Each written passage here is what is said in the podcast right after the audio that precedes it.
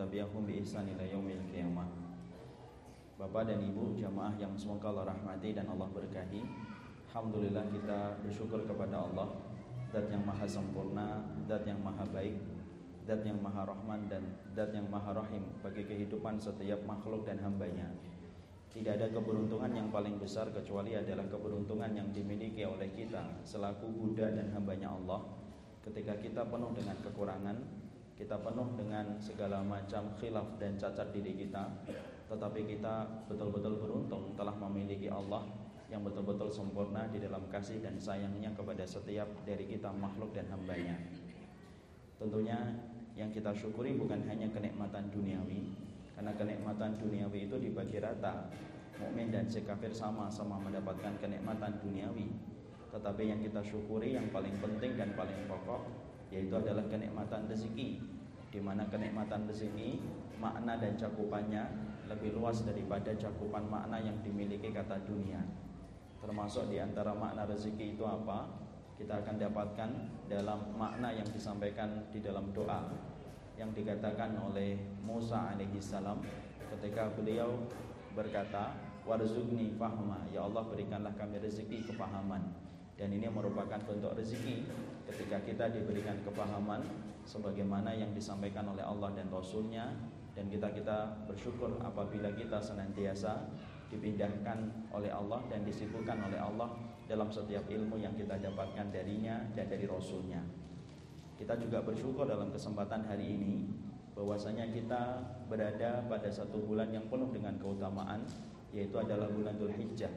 Ma min ayyamin ma min min hadhil ayyamil. Tidak ada satu amalan yang paling Allah senangi kecuali adalah amalan yang dilakukan pada waktu 10 hari yang pertama pada bulan Dzulhijjah. Saking besarnya keutamaan yang dilakukan pada waktu tersebut sampai-sampai para sahabat menimpali apa yang dikatakan oleh Nabi dengan mengatakan walal jihad fisabilillah. Apakah amalan jihad juga tidak mampu menandingi keutamaan amal pada 10 hari yang pertama ya Rasulullah? Kemudian Nabi menjawab walal jihad fisabilillah dan pula jihad itu tidak mampu menandingi orang yang menggoda ketaatan pada 10 hari yang pertama pada bulan Dzulhijjah. Illa kecuali Rasulullah kemudian memberikan istisna pengecualian yaitu adalah kecuali adalah illa kharaja bi nafsihi wa malihi falam yarji minhu dzalika syai'un. Kecuali adalah orang yang dia berjihad membawa hartanya dan nyawanya tetapi tidak ada yang pulang dari harta dan nyawa yang dia bawa barulah itu tidak ada yang mampu menandingi keutamaan orang yang melakukan itu. Di sinilah kita mengetahui bahwasanya kita betul-betul bersyukur dalam kesempatan duha kali ini Allah memberikan kepada kita kesempatan yaitu adalah rezeki, kesempatan ilmu dan kita juga mendapatkan keutamaan ketika kita berada pada bulan yang penuh dengan keutamaan yaitu adalah 10 hari yang pertama pada bulan Dzulhijjah. Puncaknya hari ini ketika kita mendapati hari ini adalah hari terjadinya wukuf bagi para jamaah haji ketika mereka akan wukuf nanti sore. Ini adalah hari yang dikatakan oleh orang Yahudi latakhadnahu idan. Ini adalah hari yang pernah dikatakan oleh orang Yahudi sesungguhnya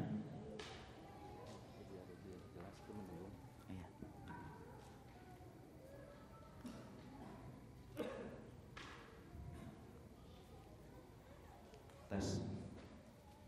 Tes. Ini atau ini? Ini aja tes.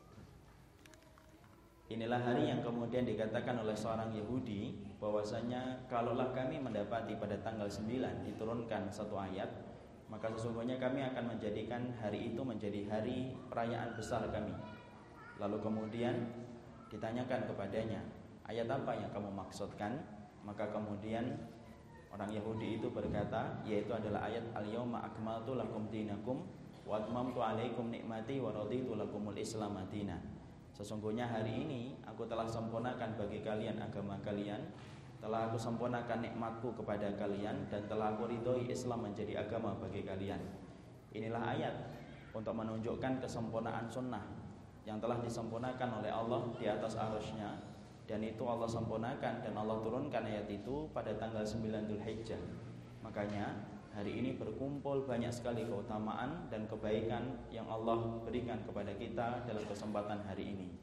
Maka Makanya jangan lupa ketika nanti kita habis mengkaji ilmu, sempatkanlah untuk memperbanyak doa karena dalam satu riwayat yang disampaikan dari Imam Tirmidzi dikatakan sesungguhnya Rasulullah SAW bersabda khairu du'ain du'a'u arafah. Sebaik-baik doa ketika dipanjatkan adalah doa yang dipanjatkan pada waktu di hari Arafah. Entah itu yang melaksanakan haji ataupun yang tidak melaksanakan haji maka sesungguhnya disunahkan untuk memperbanyak doa. Inilah berlapis-lapisnya kebaikan yang Allah berikan kepada kita. Kita diberikan ilmu kita diberikan kesempatan untuk mendapati 10 hari yang pertama pada bulan Dhul Hijjah kita diberikan kesempatan untuk menikmati pada tanggal 9 Dhul Hijjah dan kita dikumpulkan pada jengkal tanah yang paling Allah ridhoi. Mana jengkal tanah yang paling Allah ridhoi? Ahabul ardi ilallahi masajiduha. Sesungguhnya jengkal tanah yang paling Allah cintai adalah masjid-masjidnya dan kita sekarang berada di dalam naungan indah dan sejuk di antara masjidnya Allah Subhanahu wa taala. Semoga semua kebaikan ini merupakan bagian dari tanda Allah memberikan kepada kita keutamaan daripada hamba-hamba yang tidak disibukkan di dalam ketaatan. Karena Imam Nawawi berkata, "Innallaha idza arada min 'abdihi khairan ayastamilahu fi ta'atihi." Imam Nawawi berkata, kalau Allah itu senang sama seseorang, maka Allah itu akan menyibukkan orang itu di dalam ketaatan dan akan menyibukkan orang itu di dalam ibadah. Dan semoga ini merupakan tanda muncul dari hati kita khusnudon Moga-moga Allah menginginkan kita kepada kita kebaikan sehingga kita disibukkan dalam perkara ketaatan dan disibukkan di dalam perkara ibadah. Ikhwan-ikhwan yang semoga Allah rahmati dan Allah berkahi. Kita dalam kesempatan hari ini kita akan mencoba untuk menyampaikan satu materi yang sangat panjang sebenarnya. Materi ini pernah saya dapatkan dalam satu materi daurah tiga hari berturut-turut mempelajari tentang akhlak para sahabat. Tetapi saya khusnudon orang-orang Bandung ini insya Allah tingkat IQ-nya sangat tinggi sehingga kemudian tidak perlu tiga hari untuk menyampaikan materi ini. Insya Allah kita akan menyampaikan materi ini dalam waktu dua jam dan semoga insya Allah paham. Jangan sampai dua jam cepat instan tapi juga keluar juga tidak paham. Tadi apa yang dipelajari? Tidak ngerti saya ngomong apa ustadznya. Tapi kita ingin belajar tentang satu materi yang sangat penting yaitu adalah mencontoh bagaimana akhlak para sahabat di mana hari ini kita sering membanggakan para sahabat, kita sering mengidolakan para sahabat, tetapi ternyata banyak di antara kita yang luput dan tidak memperdulikan bagaimana mengidolakan para sahabat dan mengaplikasikan kehidupan para sahabat dalam kehidupan kita, bagaimana tingkat akhlak mereka. Hari ini kita baru bisa berbangga mengikuti para sahabat tetapi ternyata masih banyak kekurangan yang kita miliki ketika kita mengikuti para sahabat ridwanullah alaihim. Sebelum kita menggali tentang masalah itu, saya akan sampaikan dulu di dalam mukaddimah bahwasanya di dalam kita mencintai Allah dan Rasulnya kita harus paham dan kita harus mengerti mencintai Allah dan mencintai Rasulnya itu ada kewajiban yang harus kita perhatikan ketika mencintainya dan mencintai Rasulullah karena cinta itu bukan bahasa lisan, tetapi cinta itu adalah bahasa tindakan dan perbuatan. Makanya kalau ada orang yang berkata cinta tapi tidak melahirkan tindakan dan perbuatan, maka tidak bisa dikatakan cintanya menjadi cinta yang benar. Makanya Imam Ibn Qayyim di dalam kitabnya Raudhatul Muhibbin, Taman Orang yang Jatuh Cinta, itu menyampaikan kepada kita ada empat syarat ketika dirimu, diriku, diri kita cinta kepada Allah dan cinta kepada Rasulnya kalau betul-betul kita adalah pencinta yang hak kepada Allah dan kita adalah pencinta yang hak kepada Rasulullah maka kita harus lahir dalam kehidupan kita empat tindakan untuk membuktikan cinta kita kepadanya. Apa itu empat tindakan yang harus kita lahirkan di dalam kita mencintai Allah dan Rasulnya? Yang pertama ma'rifatu ma yuhibbuhullahu wa rasuluhu. Yang pertama kamu harus ngerti perkara-perkara apa saja yang dicintai oleh Allah dan dicintai oleh Rasulullah. Kalau kemudian kita cinta sama Allah, berarti kita harus dalam keadaan tidak pernah bosan untuk menggali ilmu supaya kita ngerti perkara apa saja yang dicintai oleh Allah dan apa saja yang dicintai oleh Rasulullah. Naif, Apabila ada seseorang mengaku bahwasanya dia mencintai Allah dan Rasulnya Tapi dia buta tentang Allah Dia katarak tentang Rasulullah Tidak paham apa-apa tentang Rob yang dia sembah Tidak paham tentang Rasulullah yang dia ikuti jalan kehidupannya. Inilah yang menjadikan kita Kalau ingin bercermin di dalam kehidupan kita Apakah kita ini telah cinta yang benar kepada Allah ataukah tidak? Ya mari kita bertanya sama diri kita masing-masing. Sebesar apa yang kamu ketahui tentang rohmu Sebesar apa yang kamu ketahui tentang Rasulmu? Karena ternyata kalau kita buatkan form pertanyaan Mungkin banyak di antara kita ngaku cinta kepada Allah Tapi ternyata kita buta Tidak mengetahui tentang Allah kecuali sedikit Dan tidak mengetahui Rasulullah kecuali sangatlah sedikit. Contoh nih, mari kita tanya. Kalau kita ditanya Apa gerakan yang paling disenangi oleh Allah? Mungkin sedikit sekali dari kita yang mampu menjawab.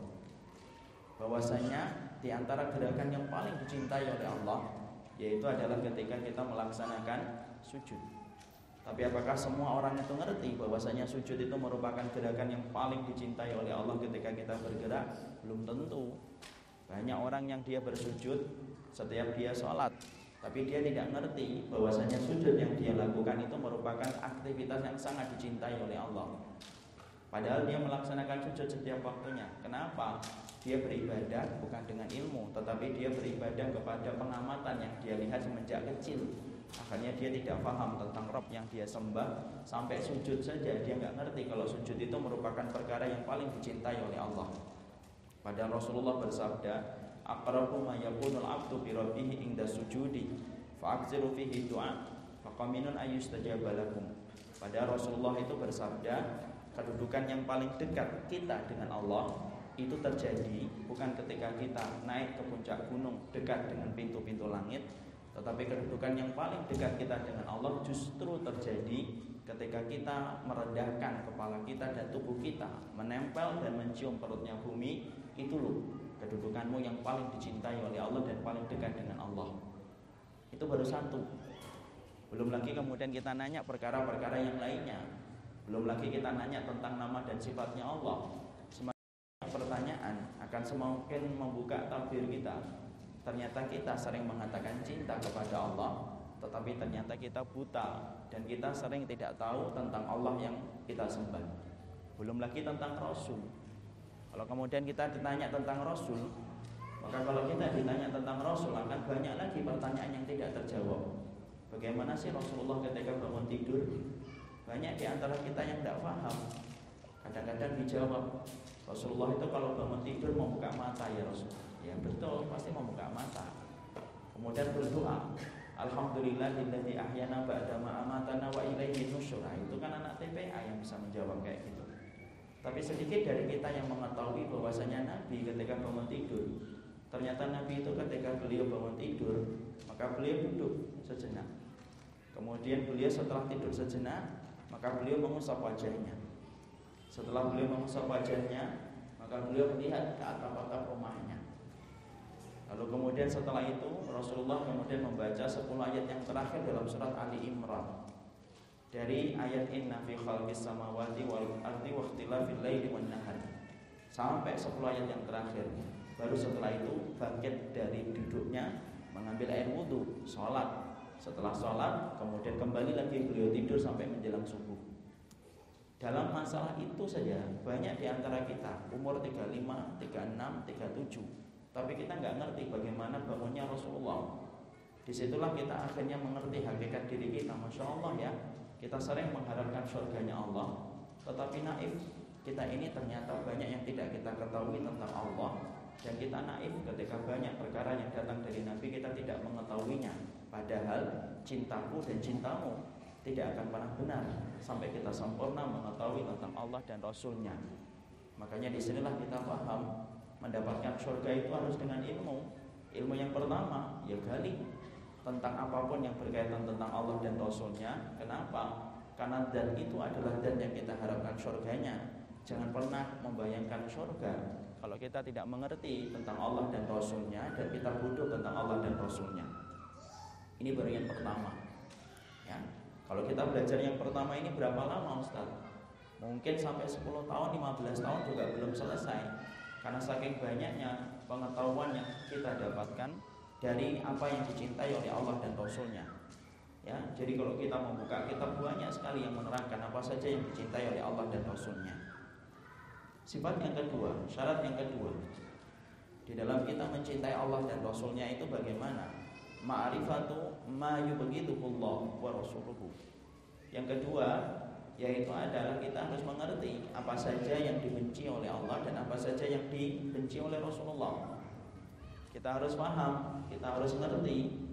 Kenapa? Supaya cinta kita kepada Allah tidak ternoda dengan perkara-perkara yang dibenci oleh Allah dan Rasulnya. Syarat yang kedua lebih susah daripada syarat yang pertama. Kenapa dikatakan lebih susah? Karena membenci itu membutuhkan energi dan kekuatan yang lebih besar daripada mencintai. Dan banyak orang yang mampu melewati syarat yang pertama, tapi belum tentu dia mampu melewati syarat yang kedua. Karena membenci apa yang dibenci oleh Allah dan Rasulnya membutuhkan setidaknya dua perkara yang ringan, satu, dua perkara yang berat.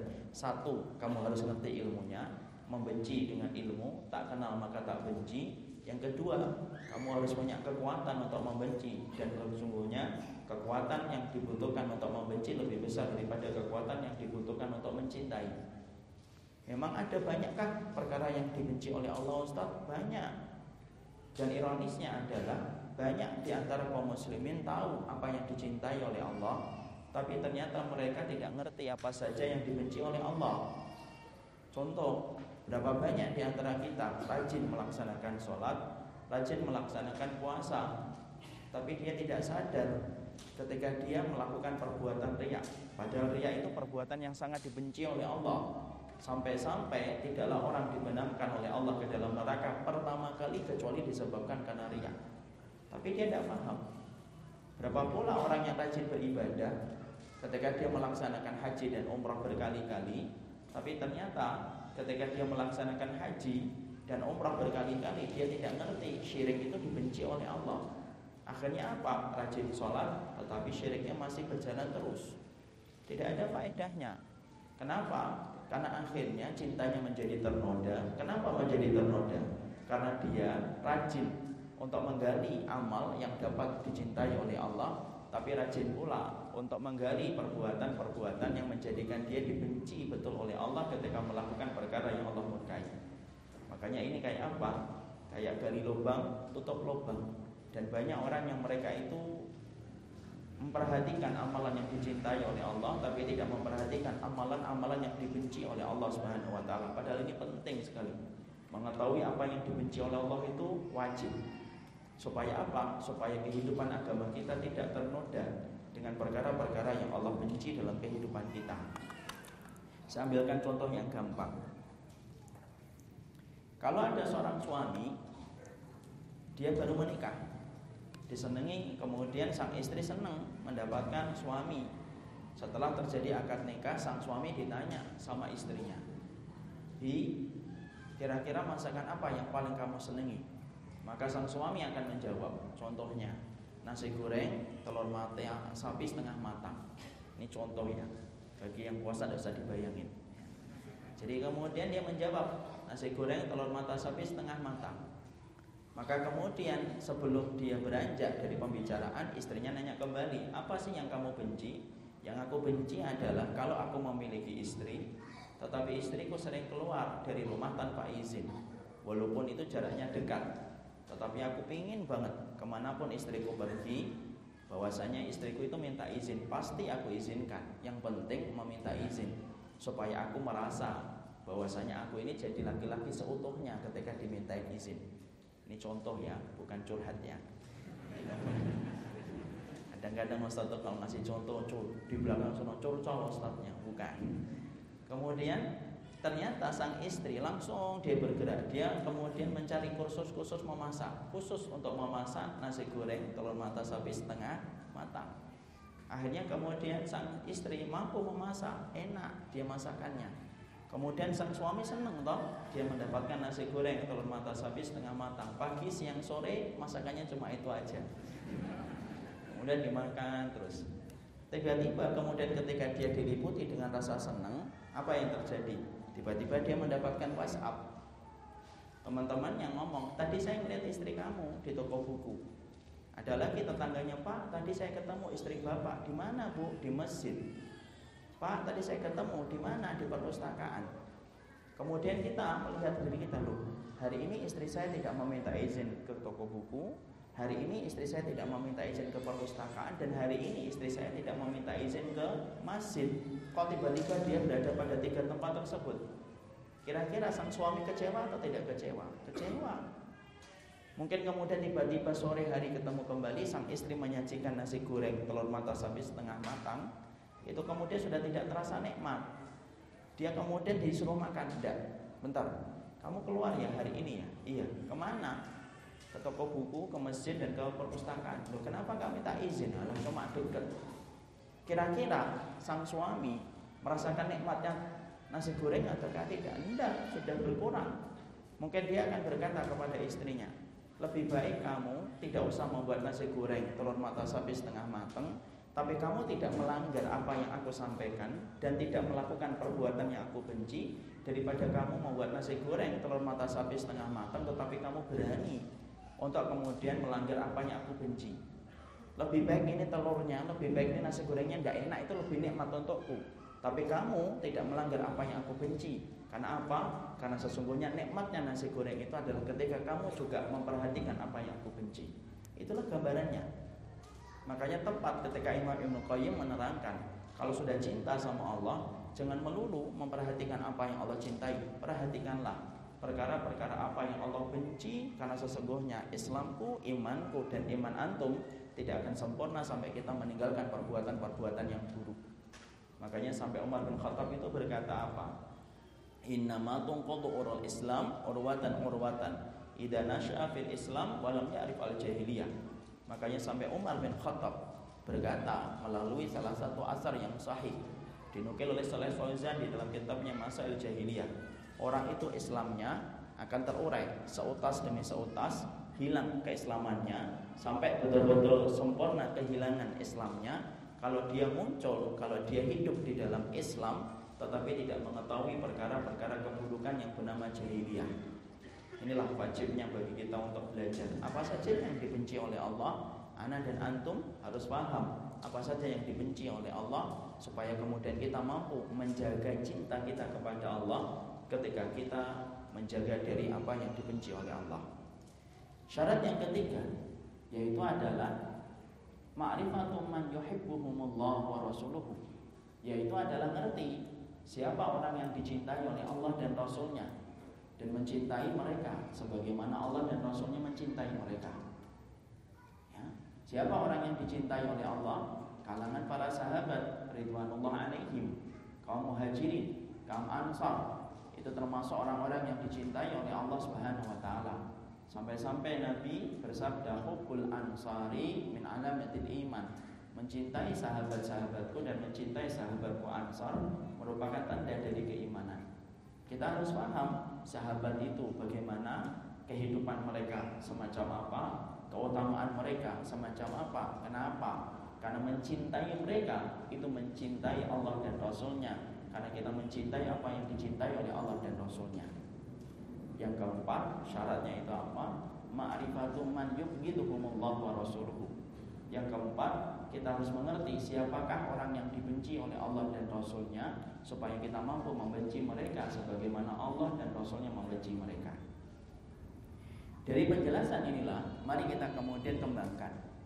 Di sinilah pentingnya bagi kita untuk kemudian mengetahui tentang sahabat.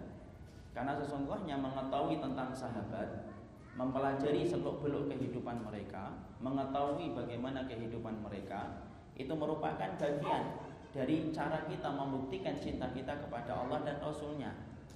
Makanya siapa pun hari ini yang berkata lantang bahwasanya dia mencintai Allah, dia menjadi pecintanya Rasulullah, tapi ternyata dia tidak pernah mampu untuk mencintai para sahabat Nabi, pastikan cinta yang dia ikrarkan adalah cinta pendusta. Kenapa? Tidak mungkin ada orang yang mengatakan cinta kepada Allah, cinta kepada Rasulullah, tetapi dia membenci para sahabat. Padahal sahabat adalah kaum yang telah dicintai oleh Allah dan telah dicintai oleh Rasulullah.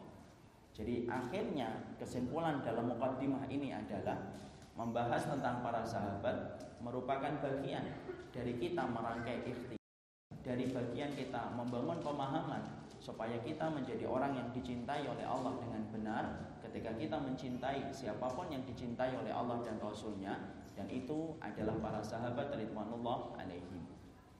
Makanya setelah kita mengetahui bagaimana kedudukan para sahabat di dalam kehidupan kita beragama kita akan coba bagi untuk menjadi beberapa bab. Bab yang pertama adalah bagaimana kewajiban kita kepada para sahabat dulu. Karena arti mencintai para sahabat itu ada penjelasannya.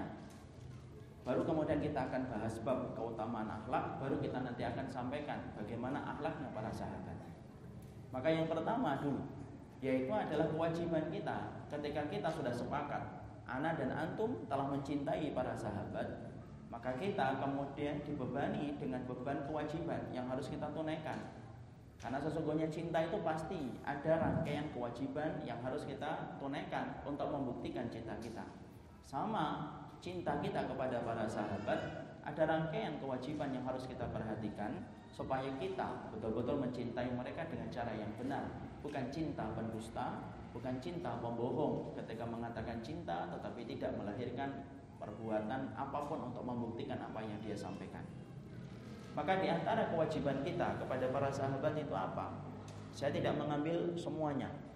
Tapi saya akan ambilkan bahwasannya yang paling penting Kewajiban ketika kita sudah mencintai para sahabat adalah Bagaimana mengambil pemahaman mereka Menjadi pemahaman yang tidak bisa lepas dari kehidupan kita ketika memahami agama Jadi sesungguhnya kita tidak akan pernah memahami Islam dengan benar Sampai kemudian kita mengambil pemahaman para sahabat di dalam kehidupan mereka ketika mereka memahami Al-Quran dan As-Sunnah.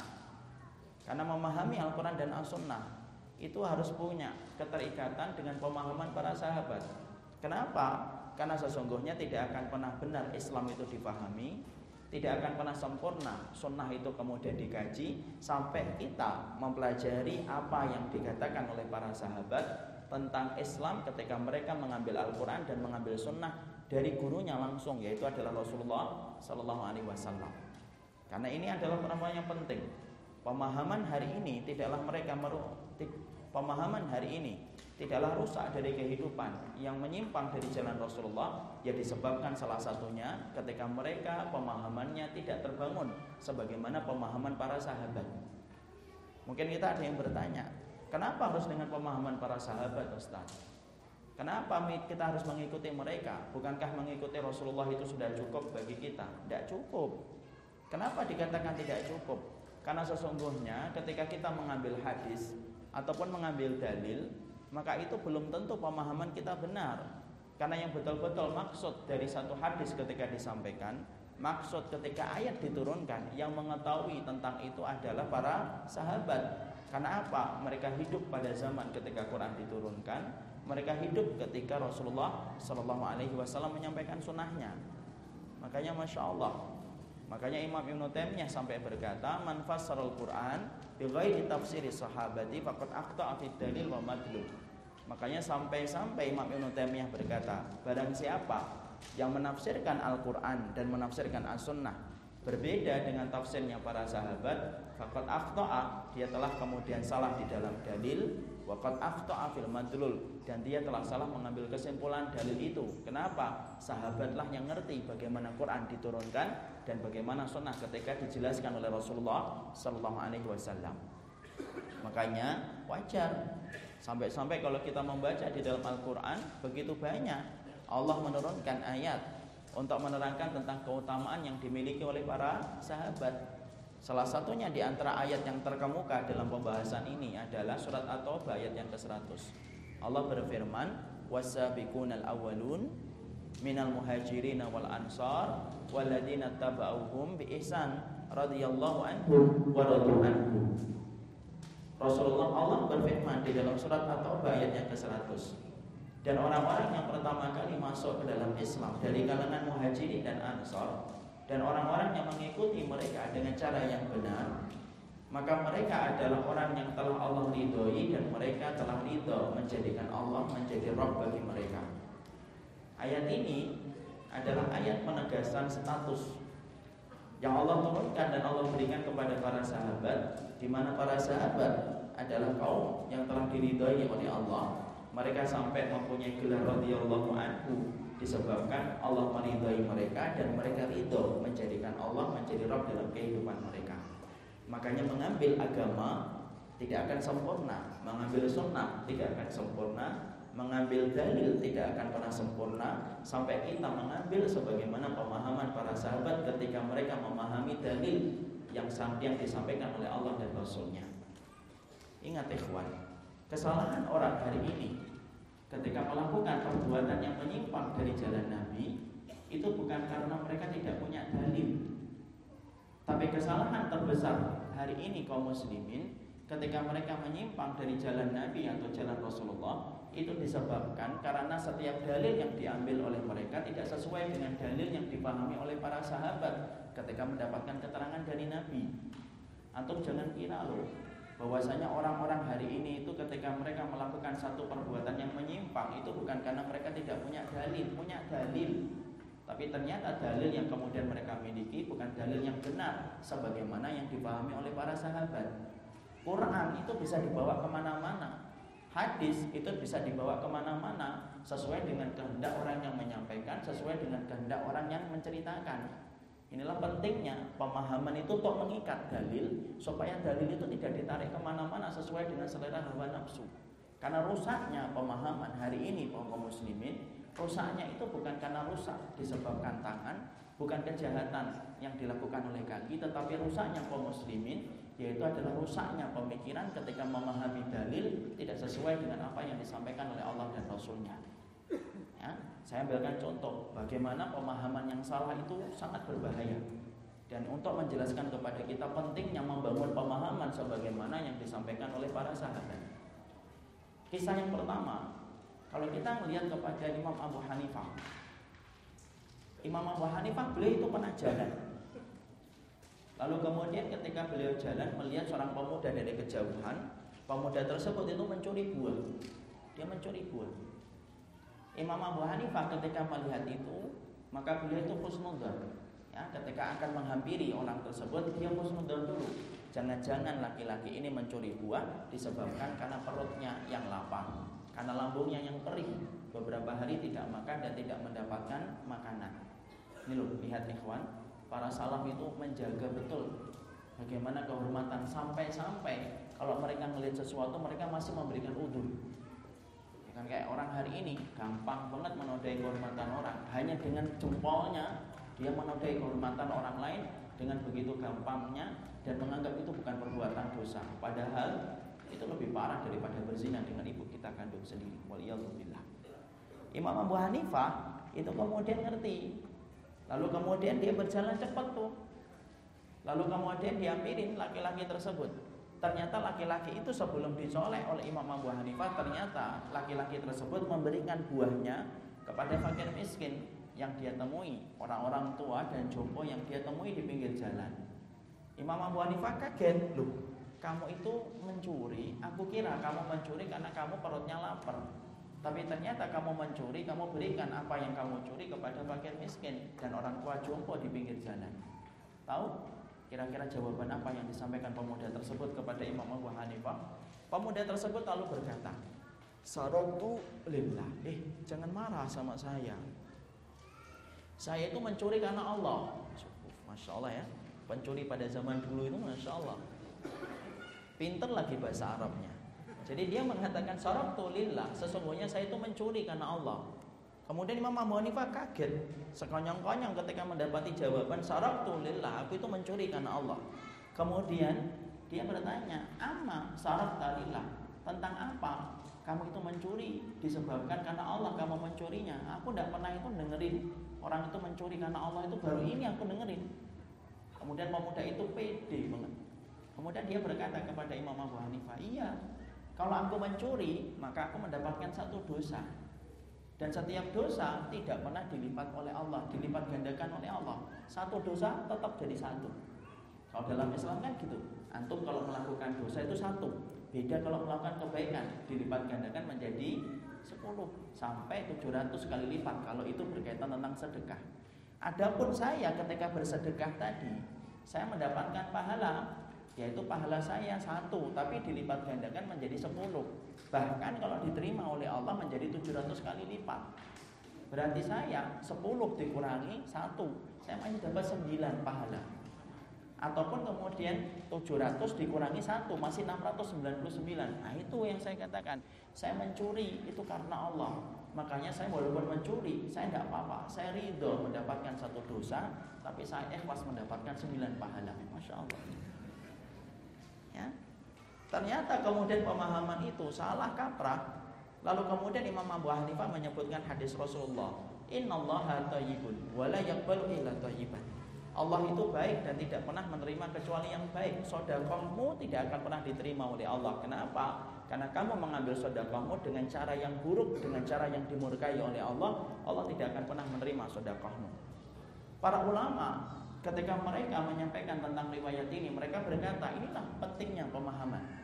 Kalau kemudian kita tidak mempunyai pemahaman yang benar, maka rusak kehidupan kita. Bahkan rusaknya agama ini pertama kali itu adalah disebabkan karena rusaknya pemahaman. Bukankah setan itu pertama kali melakukan dosa itu adalah karena pemahaman? Setan itu tidak membunuh di surga. Setan tidak memakan buah yang diharapkan oleh Allah, tidak. Tapi rusaknya setan adalah rusaknya pemahaman ketika dia berkata, "Khalaqtani min narin wa khalaqtahu min tinin." Kamu ciptakan aku dari api dan kau ciptakan Adam dari tanah. Berarti saya lebih baik daripada Adam tuh. Kesalahan berpikir ini loh yang menjadikan akhirnya iblis tidak mau sujud kepada Nabi Adam. Jadi hari ini tidaklah orang itu menyimpang dari jalan yang lurus kecuali disebabkan karena pemahaman mereka yang rusak. Dan banyak sekali kita temukan pemahaman-pemahaman hari ini yang menyimpang dari jalan Nabi itu disebabkan karena mereka memahami dalil tetapi tidak mengembalikan pemahaman itu kepada para sahabat yang belajar langsung dari Nabi yang menyebabkan pemahaman itu jauh dari pemahaman yang disampaikan oleh Rasulullah karena tidak diikat dengan pemahaman kepada para sahabat. Maka saya katakan jangan buru-buru mengatakan pemahaman menyimpang itu tidak punya dalil. Tapi yang kita katakan pemahaman menyimpang itu punya dalil, tetapi dalil yang mereka miliki adalah dalil yang salah dalil yang batil disebabkan mereka tidak mengembalikan pemahaman itu kepada para sahabat. Kita ambilkan contoh, ya. Kita sering menganggap orang yang tidak sholat adalah meninggalkan kewajiban dan pasti tidak punya dalil. Ya, salah. Orang yang meninggalkan sholat itu terkadang mereka punya dalil, tapi dalil yang dipahami oleh dia bukan dalil yang dipahami oleh para sahabat. Saya pernah ada kejadian nyata ketika saya berada di Magelang mengadakan acara sosial di salah satu desa yang tertinggal. Allah sampai saya ketemu dengan salah satu petani. Ketika saya bertemu dengan petani, maka kemudian adzan asar. Kemudian saya mengajak beliau untuk melaksanakan sholat di masjid. Ayo pak, sholat di masjid. Beliau mengatakan, tidak mas, silahkan sholat di masjid. Saya kira jawaban klise yang sering saya dapatkan kalau orang itu nggak sholat itu apa? Pakaiannya kotor. Biasanya gitu. Walaupun sampai dua tahun ya masih aja pakaiannya kotor. Dia mengatakan enggak. Saya enggak udah kemudian enggak nanti aja. Saya sholat, saya balik. Ternyata beliau masih ada di pinggir sawah. Saya duduk kembali, ngobrol kembali sampai tidak terasa bahwasanya saat itu sudah jam 5 Karena saya tahu beliau belum beranjak dari tempat duduknya, saya ngomong, Bapak nggak sholat. Kemudian dia malah bertanya sama anak. Apa yang beliau tanyakan kepada anak? Sholat itu fungsinya untuk apa? Melaksanakan ketaatan. Saya jawab yang pertama. Tidak, yang lainnya. Ya untuk terikat dengan Allah. Yang lainnya. Supaya mengingat Allah. Tuh. Sholat itu adalah mengingat Allah. Kemudian beliau hafal pak dalilnya. Akimis sholata lidzikri Tegakkanlah sholat untuk mengingatku. Jadi tujuan sholat itu apa? Eling, ingat sama Allah. Kalau kemudian kita sudah ingat, ya tidak perlu lagi sholat. Buat apa sholat? Oh, kalau kita sudah ingat kok. Kalau emas tadi kan sholat karena emas itu tidak ingat, makanya sholat. Kalau saya ingat, masya Allah. Kalau kita tidak pernah belajar di fakultas syariah mungkin oh iya juga ya malam lagi. Tapi kemudian kita menyampaikan kepada beliau bapak Akimis sholat alidikri itu bukan semacam itu. Artinya adalah kita menegakkan sholat untuk mengingat Allah. Kenapa? Allah paling senang ketika diingat oleh hambanya ketika dalam keadaan sholat. Kalaulah dipahami bahwasanya ingat itu sudah cukup untuk menggugurkan kewajiban Nabi adalah orang yang paling berat untuk menggugurkan kewajiban untuk sholat karena Nabi ternyata sampai hari yang terakhir beliau saja ketika beliau meninggal dunia hari yang terakhir di hari Senin itu Rasulullah itu masih melaksanakan sholat. Bahkan beliau pada hari Senin keluar pada waktu sholat subuh. Sampai kemudian para sahabat setelah dua hari tidak ketemu Nabi, saking senangnya Nabi, saking senangnya mereka ketemu dengan Rasulullah ketika keluar dari rumahnya Aisyah, sampai kemudian mereka hampir membatalkan sholat.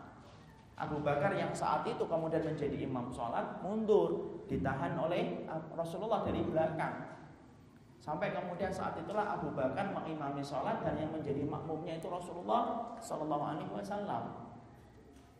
Sampai kemudian para sahabat merasa senang ketika Rasulullah itu membaik tapi justru setelah Rasulullah pulang dari sholat subuhnya keadaan memburuk menjelang duha sampai akhirnya beliau meninggal dunia ketika menjelang duhur. Di situ saya sampaikan tidak bisa pak kita tidak bisa melakukan kayak gitu. Kita tetap sholat, tapi beliau tetap dengan apa yang beliau pandang. Tidak. Yang penting sudah ingat itu sudah cukup bagi saya bahwa saya saya selalu ingat dengan Allah. Bahkan saya melihat sawah yang begitu indahnya ini, saya tuh ingat Allah. Masya Allah. Di sini kita mendapati satu pemahaman tuh belum tentu loh orang yang menyimpang hari ini dari jalan sunnah itu belum tentu mereka itu tidak punya dalil.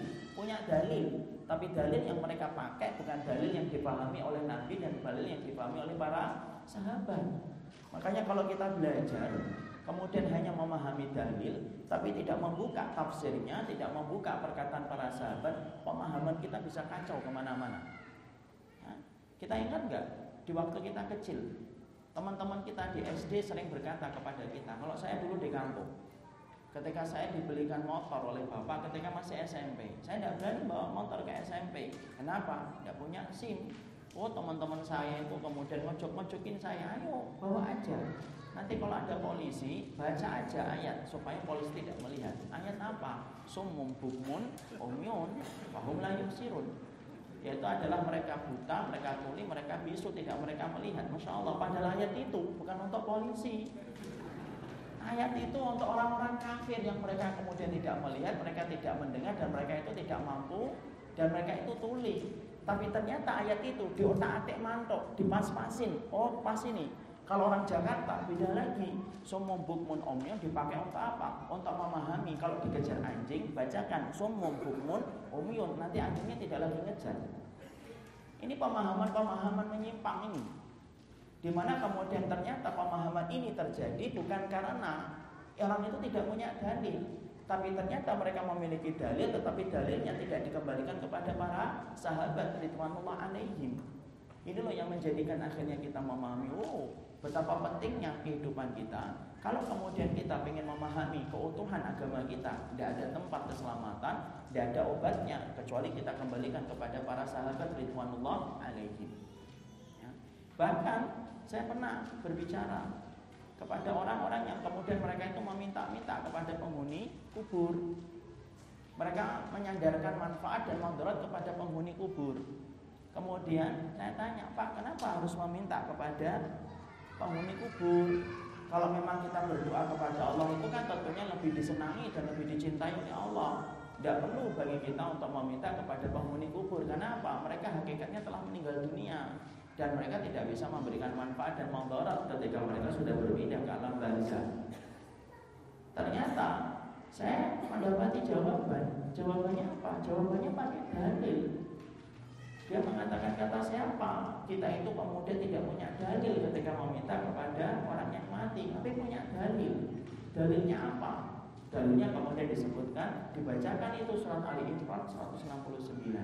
Wala tasabana alladziina qutilu fi sabilillahi amwat bal ahya'u inda rabbihim yurzaqun. Dalilnya adalah surat Ali Imran 169. Jangan kamu kira Orang-orang yang mati di dalam peperangan itu mati. Bal pun tetapi mereka itu hidup. Di sisi rohnya, yurzakun dikasih rezeki oleh Allah Subhanahu wa taala. Surat Ali Imran itu kemudian dijadikan dalil untuk mereka tuh orang yang di dalam kubur itu masih hidup. Yurzakun dikasih rezeki oleh Allah. Makanya kita datang minta rezeki yang Allah bagikan untuk mereka. Saya kemudian mengatakan, Pak, surat Ali Imran 169 itu bukan itu tafsirnya. Para sahabat itu mengatakan tafsir surat Ali Imran 169 itu cerita tentang seorang sahabat besar yang bernama Abdullah bin Haram. Abdullah bin Haram ini siapa? Bapaknya Jabir bin Abdullah. Kecintaannya kepada jihad itu mendarah daging. Sampai-sampai beliau terbunuh dalam peperangan di perang Uhud. Ketika kemudian beliau meninggal dalam perang Uhud sampai dikisahkan dalam satu kisah, yaitu adalah telinganya aja hilang, tidak ketahuan di mana. Maka putranya Jabir, sebagaimana beliau adalah manusia biasa, beliau sedih. Beliau minggir, kemudian beliau menangis meneteskan air mata, tumpah air matanya. Ketika tumpah air matanya, maka kemudian Nabi melihat Jabir. Jabir ini termasuk di antara tujuh sahabat yang paling banyak meriwayatkan hadis dari Rasulullah Sallallahu Alaihi Wasallam. Maka Rasulullah melihat Jabir nangis dipanggil, taat, ini guna, ya Jabir, sini, sini kemari ya Jabir. Kemudian Jabir datang, terisak-isak tangisnya. Nabi itu yang lembut, tidak nyalain Jabir, tidak mengatakan, lo gitu aja nangis, nggak usah nangis, enggak. Rasul itu memberikan bushro, kabar gembira kepada Jabir. Apa yang disampaikan oleh Rasulullah kepada Jabir? Ya Jabir, ala ukhbiruka ma qalallahu li abika. Hei Jabir, tahan tangismu. Kamu pengen tahu nggak apa yang sedang dibicarakan Allah kepada ayahmu saat ini? Lalu kemudian Jabir berkata, "Ya ya Rasulullah." Lalu Nabi berkata, "Maka Allah ahadan illa min wara'i hijabin wa kallama abaka kifahan." Maka kemudian Rasulullah SAW mengatakan Allah itu tidak pernah bicara dengan makhluknya sebelum tegaknya hari kiamat kecuali di belakang hijab karena kuatnya cahaya yang dimiliki oleh Allah. Wakal lama abaka, tapi khusus ketika Allah itu bicara dengan ayahmu, maka sesungguhnya Allah itu khusus karena menyambut ayahmu karena Allah cinta sama ayahmu. Wakal lama abaka kifahan. Allah itu ngomongnya langsung wajah dengan wajah, face to face dengan ayahmu itu, masya Allah. Langsung wajah dengan wajah. Karena apa? Memuliakan ayahmu Abdullah bin Haram. Sampai Allah itu berkata, Tamanna alaiya utika, minta apa kepada diriku? Utika, aku kasih apa yang kamu minta. Maka Jabir berkata, sudah mendapatkan surga, suruh minta. Apa yang diminta oleh Jabir? Antuhiyani fa'utalu fika Ya Allah, tolong hidupkan saya lagi ya Allah supaya saya bisa merasakan nikmatnya mati syahid. Kenapa? Orang yang mati syahid itu nikmat. Satu orang yang tidak pernah merasakan sakaratul maut adalah orang yang mati syahid. Makanya sampai Nabi berkata, tidak ada penduduk surga yang ingin balik ke dunia. Padahal di dunianya itu miskin dan fakir kecuali adalah orang yang mati syahid. Kenapa? Saking nikmatnya ketika mereka itu meregang. Maka Allah kemudian menjawab, Innahu sabaqa minni innahu la yurja'u. Tidak bisa. Karena apa? Karena sesungguhnya apa yang telah ditetapkan di dalam ketetapan mati dan hidupku tidak bisa kemudian dirubah. Itu ketetapanku. Minta yang lain, sal. Minta yang lain. Maka kemudian Abdullah bin Haram berkata, kalau begitu Pak man warai, kalau aku boleh minta ya Allah, kalau memang tidak hidup kembali, kalau kita aku minta, antuk biru, kau sampaikan ya Allah, engkau sampaikan kepada orang setelahku apa kenikmatan yang aku dapatkan darimu ketika aku berjuang di jalan Maka kemudian Allah turunkan surat Ali Imran 169 memberikan penjelasan kepada kita. Itu loh nikmatnya orang yang mati syahid, mereka itu tetap hidup di sisi kuburnya dan mereka itu dikasih rezeki. Tapi apa yang terjadi? Dalilnya yang sahih kayak gitu pemahamannya. Tapi ternyata justru malah kemudian ketika kita tidak memahami sesuai dengan pemahaman para sahabat, rusak. Akhirnya dipakai menjadi dalil bahwasanya kita meminta kepada kubur kepada orang yang telah meninggal dunia. Ini loh yang menjadikan akhirnya kita paham, oh kebutuhan kita kepada para sahabat itu kebutuhannya besar. Karena apa? Anak, antum tidak akan sempurna iman kita, tidak akan sempurna pemahaman kita, tidak akan pernah sempurna bagaimana pemandangan pandangan kita tentang Islam dan Sunnah sampai kita memakai pemahaman para sahabat. Setelah kita ngerti bagaimana besarnya keutamaan para sahabat dan kemudian kewajiban kita untuk menjadikan para sahabat itu adalah pegangan dalam kehidupan kita memahami Quran dan memahami Sunnah. Sekarang mari kita belajar dulu keutamaan akhlak itu gimana. Ya, karena apa? Ini nanti bersinggungan. Setelah memahamkan sahabat, nah sekarang baru kita belajar keutamaan akhlak itu gimana. Karena kemudian ternyata para sahabat itu adalah orang-orang yang paling sempurna dan paling besar di dalam kehidupan mereka memberikan akhlak di dalam kehidupan mereka ketika mengikuti Rasulullah SAW. Maka kemudian kedudukan dan keutamaan akhlak itu sangatlah besar. Kalau kita terangkan akan sangat banyak sekali. Tapi kita terangkan hanya empat saja keutamaan besar yang dimiliki oleh orang yang memperlihatkan akhlak yang baik. Tapi kalau kita bertanya, akhlak itu apa sih Ustaz? Maka akhlak itu akan tercermin dalam tiga perkara sebagaimana yang dikatakan oleh Imam Ibnu Rajab Al-Hambali. Apa itu? Al-akhlak itu adalah kaful ada. Akhlak itu yang pertama, kaful ada. Kamu tahan dirimu untuk tidak mendolimi orang lain. Itu namanya akhlak.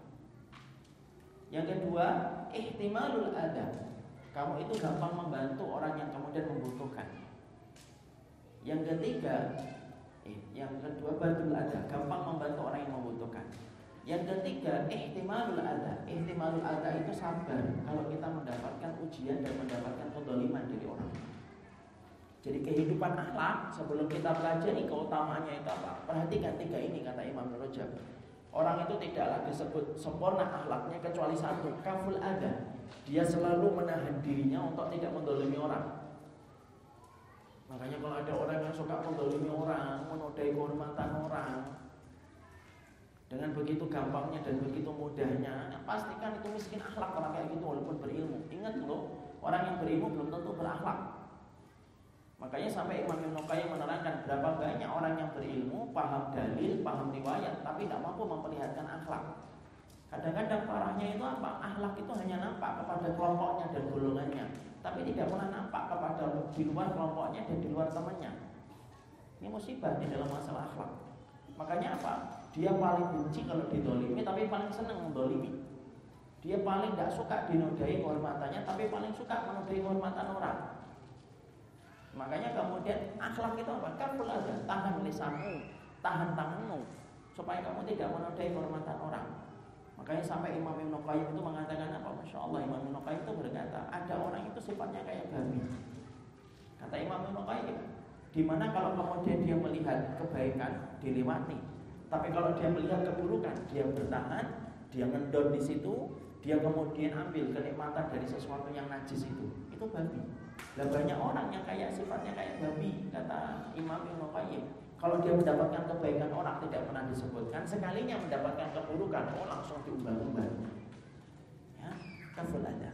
Yang kedua ihtimalul ada. Ya, badul ada. Badul ada itu apa? Gampang nolong. Gampang nolong kepada siapa pun yang kemudian membutuhkan. Siapa pun yang membutuhkan pertolongan, maka dia memberikan pertolongan. Itu namanya badul ada. Yang ketiga yaitu adalah ihtimalul ada, sabar ketika ditolimi. Makanya kemudian betul-betul sabar ketika didolimi Apa pun yang kemudian kedoliman yang dia dapatkan dia sabar Kenapa dia ngerti keutamaan besar ketika didolimi Maka kemudian dia bersabar Sekarang setelah kita mengetahui Apa itu bentuk akhlak Mari kita belajar Keutamaan akhlak itu apa? Maka sesungguhnya keutamaan akhlak itu setidaknya ada ada empat yang kita bahas. Yang pertama, perkara yang paling berat ketika ditimbang dalam kebaikan, mizan kebaikan itu akhlak. Al-qalu fil mizani al-khuluq al-hasan. Dikatakan oleh Rasulullah dalam sebuah hadis yang sahih, sesungguhnya perkara yang paling berat untuk ditimbang di dalam mizan kebaikan itu adalah kehidupan akhlak. Makanya kalau kita perhatikan bapak-bapak dan ibu, kalau kita perhatikan rata-rata sunnah syariatnya itu ditetapkan untuk menerapkan akhlak.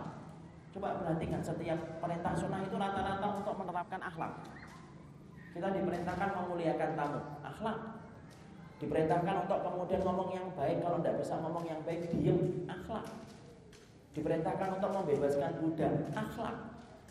Diperintahkan untuk kemudian bersedekah, akhlak. Sampai kita masak saja, itu ada akhlaknya. Kalau antum dan saya masak, maka diperintahkan untuk memperbanyak memperbanyak kuah. Kenapa kita diperintahkan untuk memperbanyak kuah? Sampai-sampai saudara kita itu kemudian mendapatkan apa yang kita masak ketika kita memperbanyak kuah. Loh, sampai urusan masak daging pun disuruh untuk memperbanyak kuah untuk membangun akhlak. Ya, bukan berarti antum ngasih kuah doang ya. Jangan buat Indomie, antum kasih kuahnya, antum makan ini. Tapi di situ kita perhatikan sampai kehidupan kecil detailnya sunnah itu ternyata hanya untuk membangun kehidupan akhlak. Makanya Masya Allah perkara yang paling berat ketika ditimbang oleh Allah itu apa? Perkara yang paling berat ketika ditimbang oleh Allah itu akhlak. Makanya Nabi pernah ditanya tentang dua orang wanita yang berbeda. Yang pertama kata Rasulullah inna fulana tutkaru min kasrati salatiha wa siyamiha wa sadaqatiha wa jaruha. Ya Rasulullah, ini ada perempuan, banyak sholatnya, banyak puasanya, banyak sedekahnya, banyak. Puasanya banyak, sedekahnya banyak. Dan kemudian puasanya juga banyak, Masya Allah. Tetapi kekurangannya satu ya Rasulullah Apa? Tuh di Dia itu mulutnya Itu tidak pernah kemudian menenangkan hati tetangganya Mulutnya menyakiti hati tetangganya Tetangga ikhwan ini Nabi tidak bertanya tetangganya solih atau tidak solih. Tetangganya muslim atau tidak muslim. Nabi tidak nanya. Nabi ketika langsung mengatakan Waktu di jaruah ketika dia menyakiti tetangganya Nabi langsung mengatakan Di mana tempatnya ya Rasulullah? Nabi langsung menjawab Finnar. Dia berada di dalam neraka. Kenapa? Hilang kebaikannya ketika kemudian tidak memperlihatkan akhlak yang baik Kemudian ditanya lagi wanita yang kedua, "Ya Rasulullah, inna fulana tutkaru min qillati salatiha wa siyamiha wa sadaqatiha." Ya Rasulullah, ini ada lagi nih perempuan, tidak banyak sholatnya sebagaimana perempuan yang pertama. Tidak banyak sedekahnya sebagaimana perempuan yang pertama. Tidak banyak sedekahnya sebagaimana perempuan yang pertama Tapi ya Rasulullah Walam tuh di Lesannya, mulutnya, perbuatannya Tidak pernah menyakitkan hati tetangganya ya Rasulullah Aina dia ya Rasulullah? Di mana tempatnya ya Rasulullah? Rasulullah kemudian menjawab singkat Fil jannah, dia berada di dalam surga. Ikhwan Kalau anak dan antum ahlak Kalau anak dan antum ibadahnya biasa Tapi ketika kita kemudian menjaga diri untuk tidak mendolimi orang menjaga diri ketika kita gampang untuk membantu orang dan menjaga diri ketika didolimi dengan sabar maka sesungguhnya sholat kita yang biasa itu menjadi luar biasa ketika ditimbang oleh Allah Sodakot kita yang biasa akan menjadi luar biasa ketika ditimbang Dan kemudian puasa kita yang jarang-jarang di dalam puasa sunnah itu menjadi luar biasa di dalam timbangan Kenapa? Karena sesungguhnya perkara itu menjadi berat betul ketika ditimbang oleh Allah Subhanahu Wa Taala. Makanya untuk perhatikan orang yang itikaf selama satu bulan itu kalah dengan perbuatan orang yang membantu saudaranya selama satu hari. Padahal itikaf satu bulan di masjidnya Nabi itu kalah dengan perbuatan ketika antum memberikan manfaat kepada saudara antum satu hari saja itu lebih baik daripada itikaf selama perjalanan satu bulan. Sof, Ikhwan, kita perhatikan Itikaf itu berat atau tidak? Berat, sulit kita harus kemudian mematikan handphone. Kita meninggalkan keluarga. Orang kalau itikaf handphonenya masih aktif itu tidak sempurna itikafnya itu online 24 jam. Kalau ditanya di mana? Tapi online tidak boleh itu harusnya mati. Fungsinya itikaf itu memutuskan dari dunia. Itikaf 10 hari kita sudah merasa berat. Nabi mengatakan ni an asira fi masirati akhi ahabba ilayya min a'takifa fi masjid hadha sahran. Sampai Nabi saja berkata sesungguhnya aku keluar untuk membantu saudaraku selama satu hari itu lebih aku cintai daripada aku itikaf di masjidku ini selama satu bulan. Suf ikhwan, satu bulan. Padahal kita itikaf 10 hari berat, ini itikafnya di masjidnya Nabi dan itu berlangsung sampai satu bulan. Satu bulan tidak keluar dari masjid, hanya untuk ngaji, baca Quran, sedekah, apa ngaji, zikir, doa, sholat itu saja. Kenapa kemudian bisa kalah dengan perbuatan ketika memberikan memberikan bantuan kepada saudaranya? Ibnu Husaimin mengatakan, karena ketika kamu itikaf manfaatnya kembali kepada diri kamu sendiri. Tapi ketika antum kemudian membantu saudara antum satu hari saja, maka sesungguhnya pahalanya itu kembali kepada orang banyak yang merasakan manfaat itu. Itulah yang menjadikan ketika ditimbang itu lebih berat daripada itikaf selama satu bulan. Ini loh.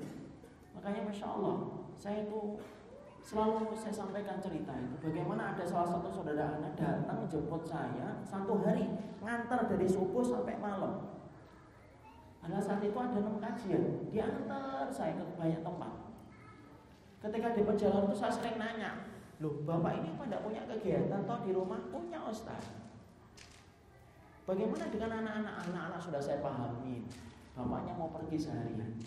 Tapi kan musim libur ini kan libur. Iya. Istrinya tidak marah-marah? Tidak kemudian banyak ini bicaranya. Ya lah saya boleh saya sampaikan Ustaz kemudian saya itu tidak mendapati jawaban sampai malam dan mendapati jawaban. Sampai ketika malam jam 10 dia nganterin saya pulang. Lalu setelah itu saya tanya Pak apa sih Pak? Kemudian Bapak itu kenapa ingin membantu saya dalam perjalanan dakwah ini satu hari ini sama saya? Tetap tidak memberikan jawaban. Sampai beliau pulang saya cek karena saya khawatir kalau ada apa-apa di perjalanan beliau ketika pulang. Sampai akhirnya beliau pulang jam 11 malam itu mungkin setengah 12 saya kemudian tanya kira-kira apa yang mendorong bapak untuk kemudian menemani saya selama satu hari? Tahu nggak apa? Saya belajar dari omongan beliau tapi pernah dari perbuatan. Saya belajar dari apa yang aku pernah sampaikan Ustaz. Saya ingin mendapatkan pahala umroh pahala itikaf.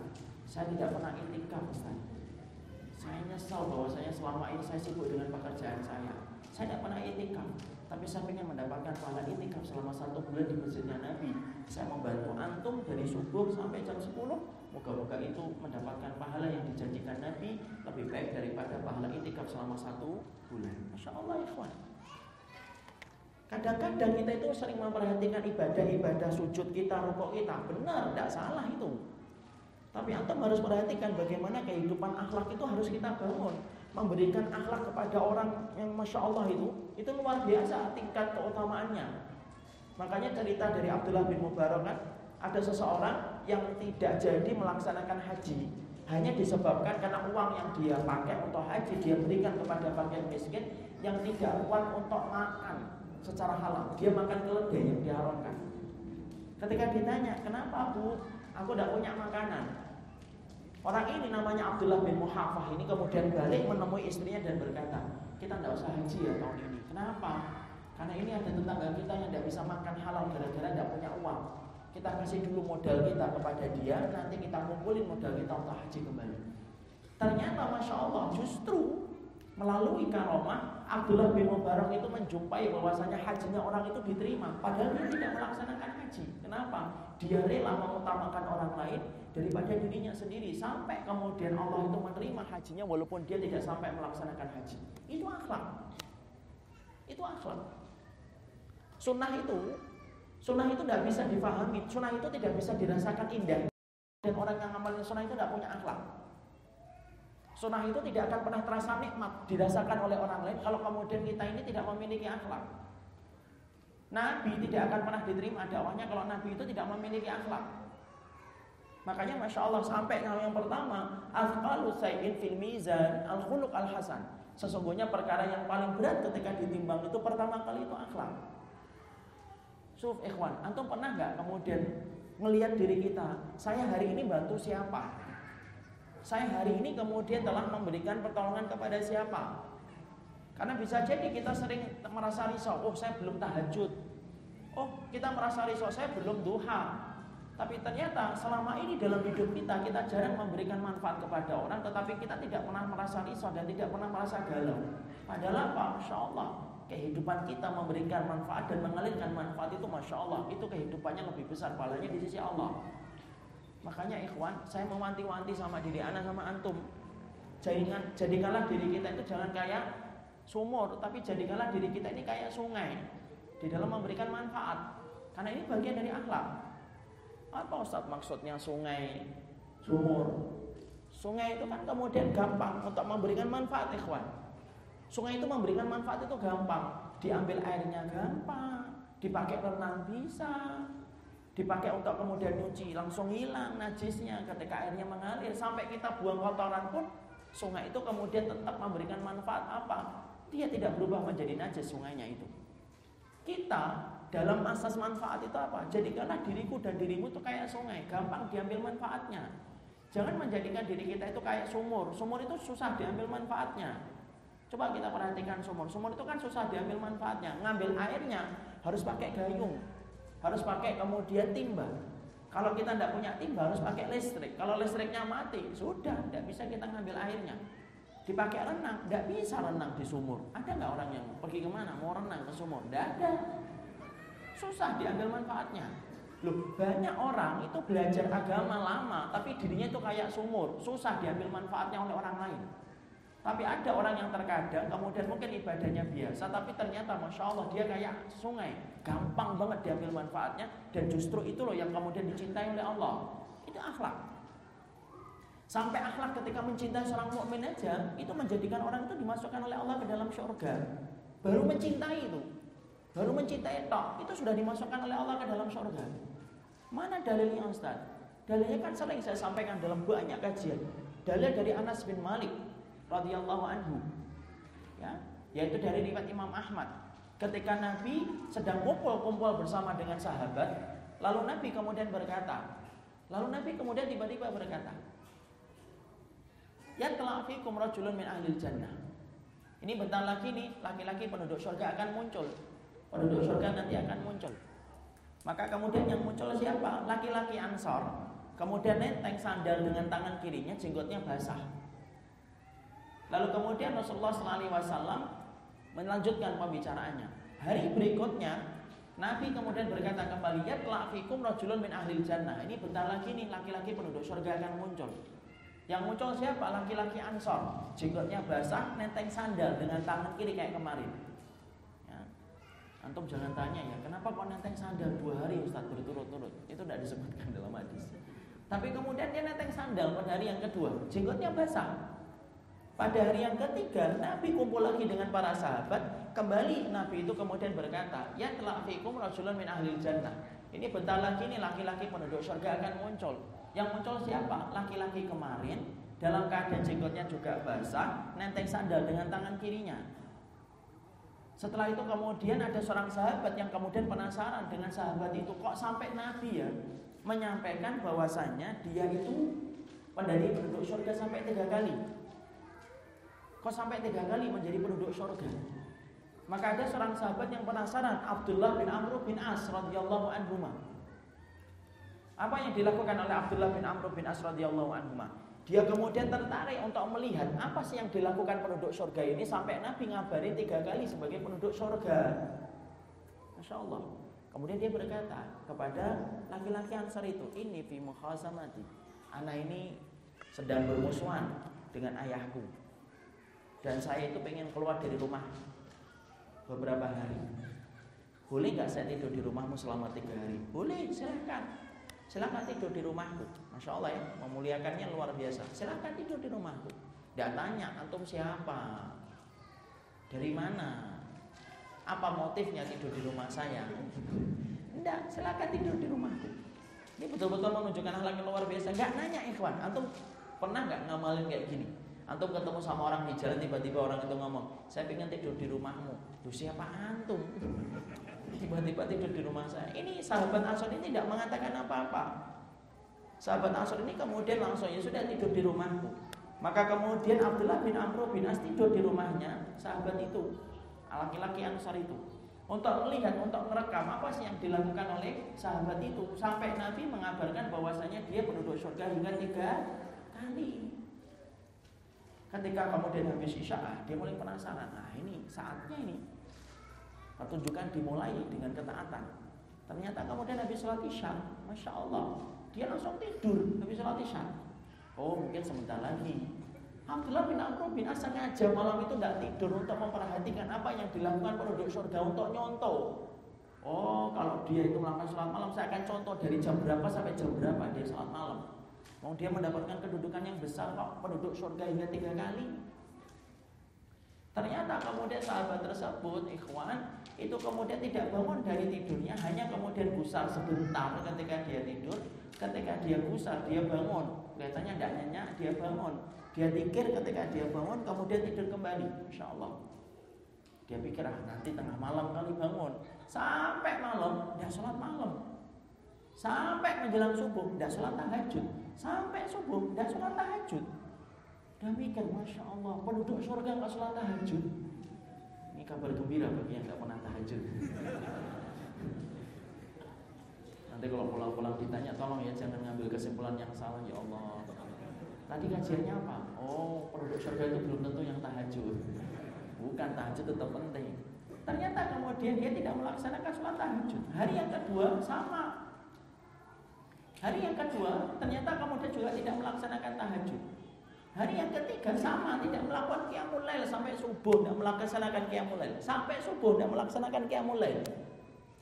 Maka kemudian akhirnya Abdullah bin Amr bin As itu betul-betul habis kesabarannya. Lu tiga hari aku melihat rawatibnya biasa, tahajudnya biasa, bahkan tidak tahajud sampai subuh. Kok Nabi mengabarkan bahwasanya dia itu penduduk surga hingga tiga kali?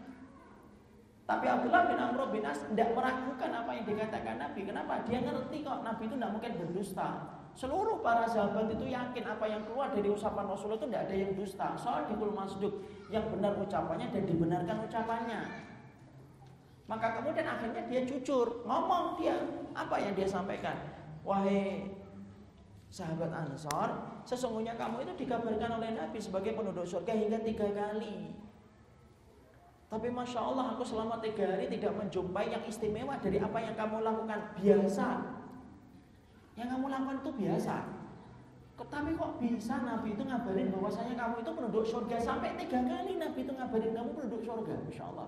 Padahal beberapa sahabat yang lain itu hanya dikabarkan surga itu cuma satu kali.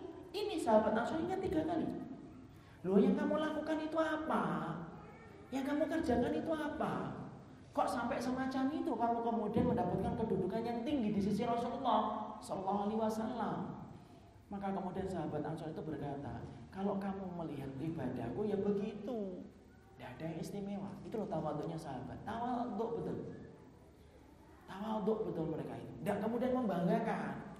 Oh saya kajian di Parahyangan hari Ahad.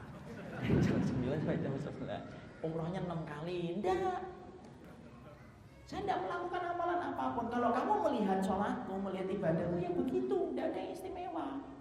Kemudian sampai-sampai Abdullah bin Amr bin As ketika mendapati jawaban kayak semacam itu memperlihatkan akhlak, tidak mendesak dia, ya sudah. Berarti memang Allah menyembunyikan amalnya tuh. Akhlaknya kelihatan kan para sahabat itu nggak desak. Ayo dong sampaikan. Kamu itu ya dapetin surga nggak mau bagi-bagi. Pulang-pulang ditahdir sahabat itu. Tuh sahabat untuk surga tapi tidak mau bagi-bagi ilmu. Kan gitu. Enggak, ya sudah. Kalau begitu ya sudah. Dia pulang. Baru beberapa langkah dia berjalan, dipanggil lagi oleh sahabat Ansar itu. Sini. Kecuali satu yang kamu harus ketahui. Apa?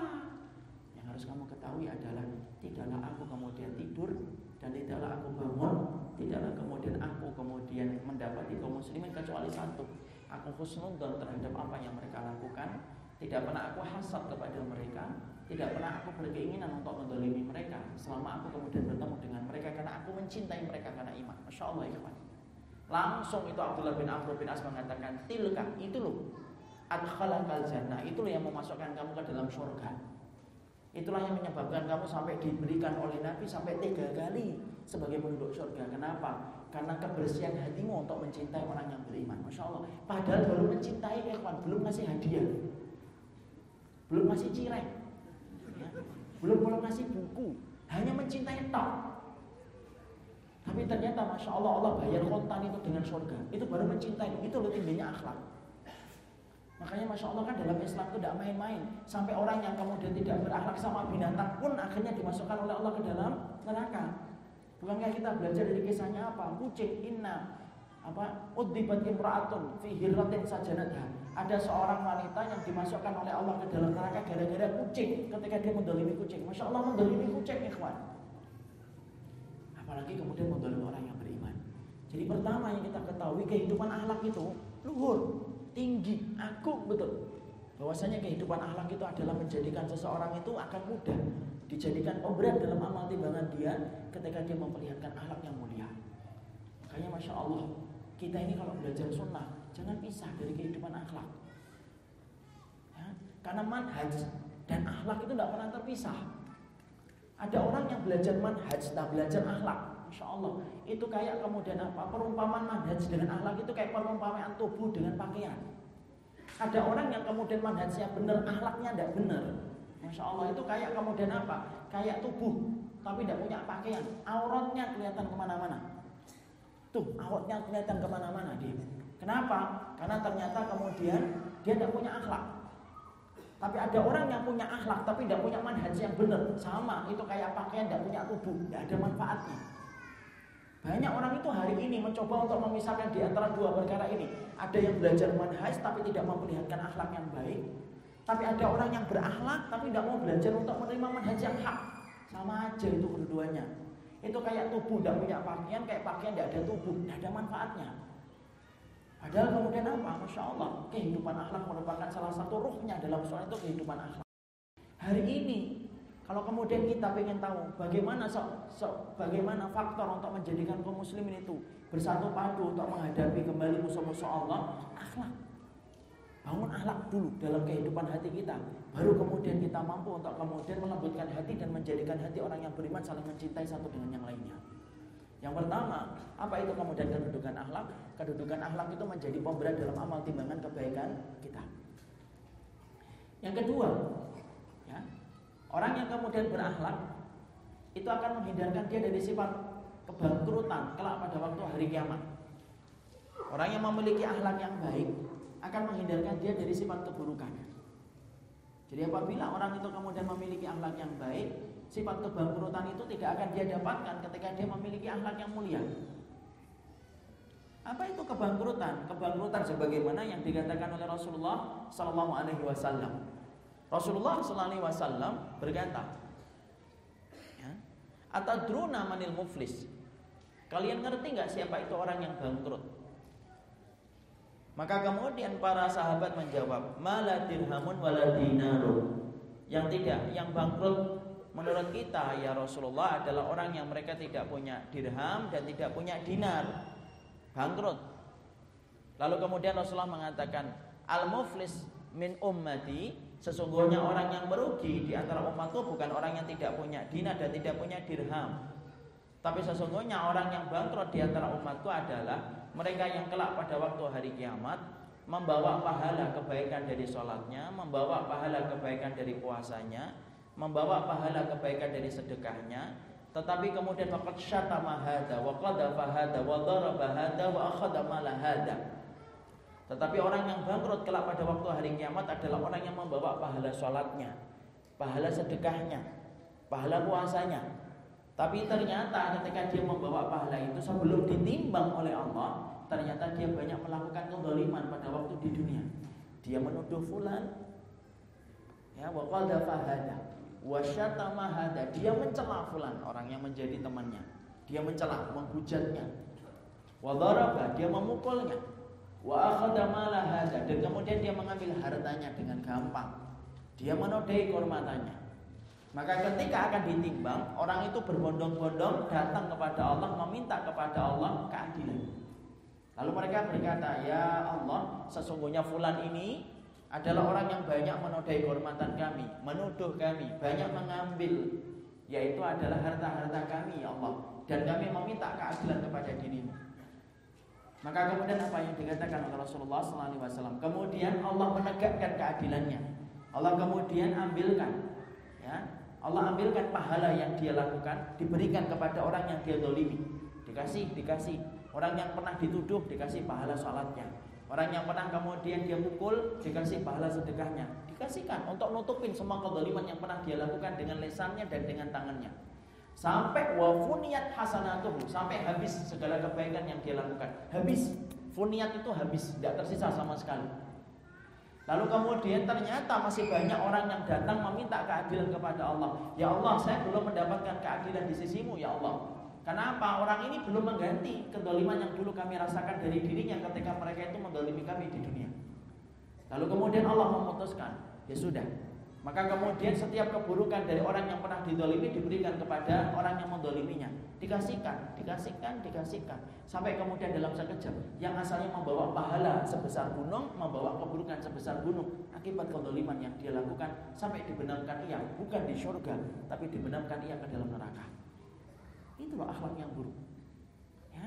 Jadi ternyata akhlak yang buruk itu menyebabkan apa? Menyebabkan semua amalan-amal kalau kemudian disertai dengan akhlak yang buruk, tidak ada manfaatnya kembali. Tidak ada kemudian harganya kembali ibadah yang dilakukan, sunnah yang dikerjakan, ketaatan yang ditunaikan, tetapi disertai dengan akhlak yang buruk, tidak akan diterima itu. Maka diganti untuk mengganti setiap kedoliman yang pernah dia lakukan. Ketika dia dalam kehidupan dunia mendolimi sahabat-sahabatnya dan mendolimi saudara-saudaranya dalam iman. Ya. Makanya tidak main-main kan?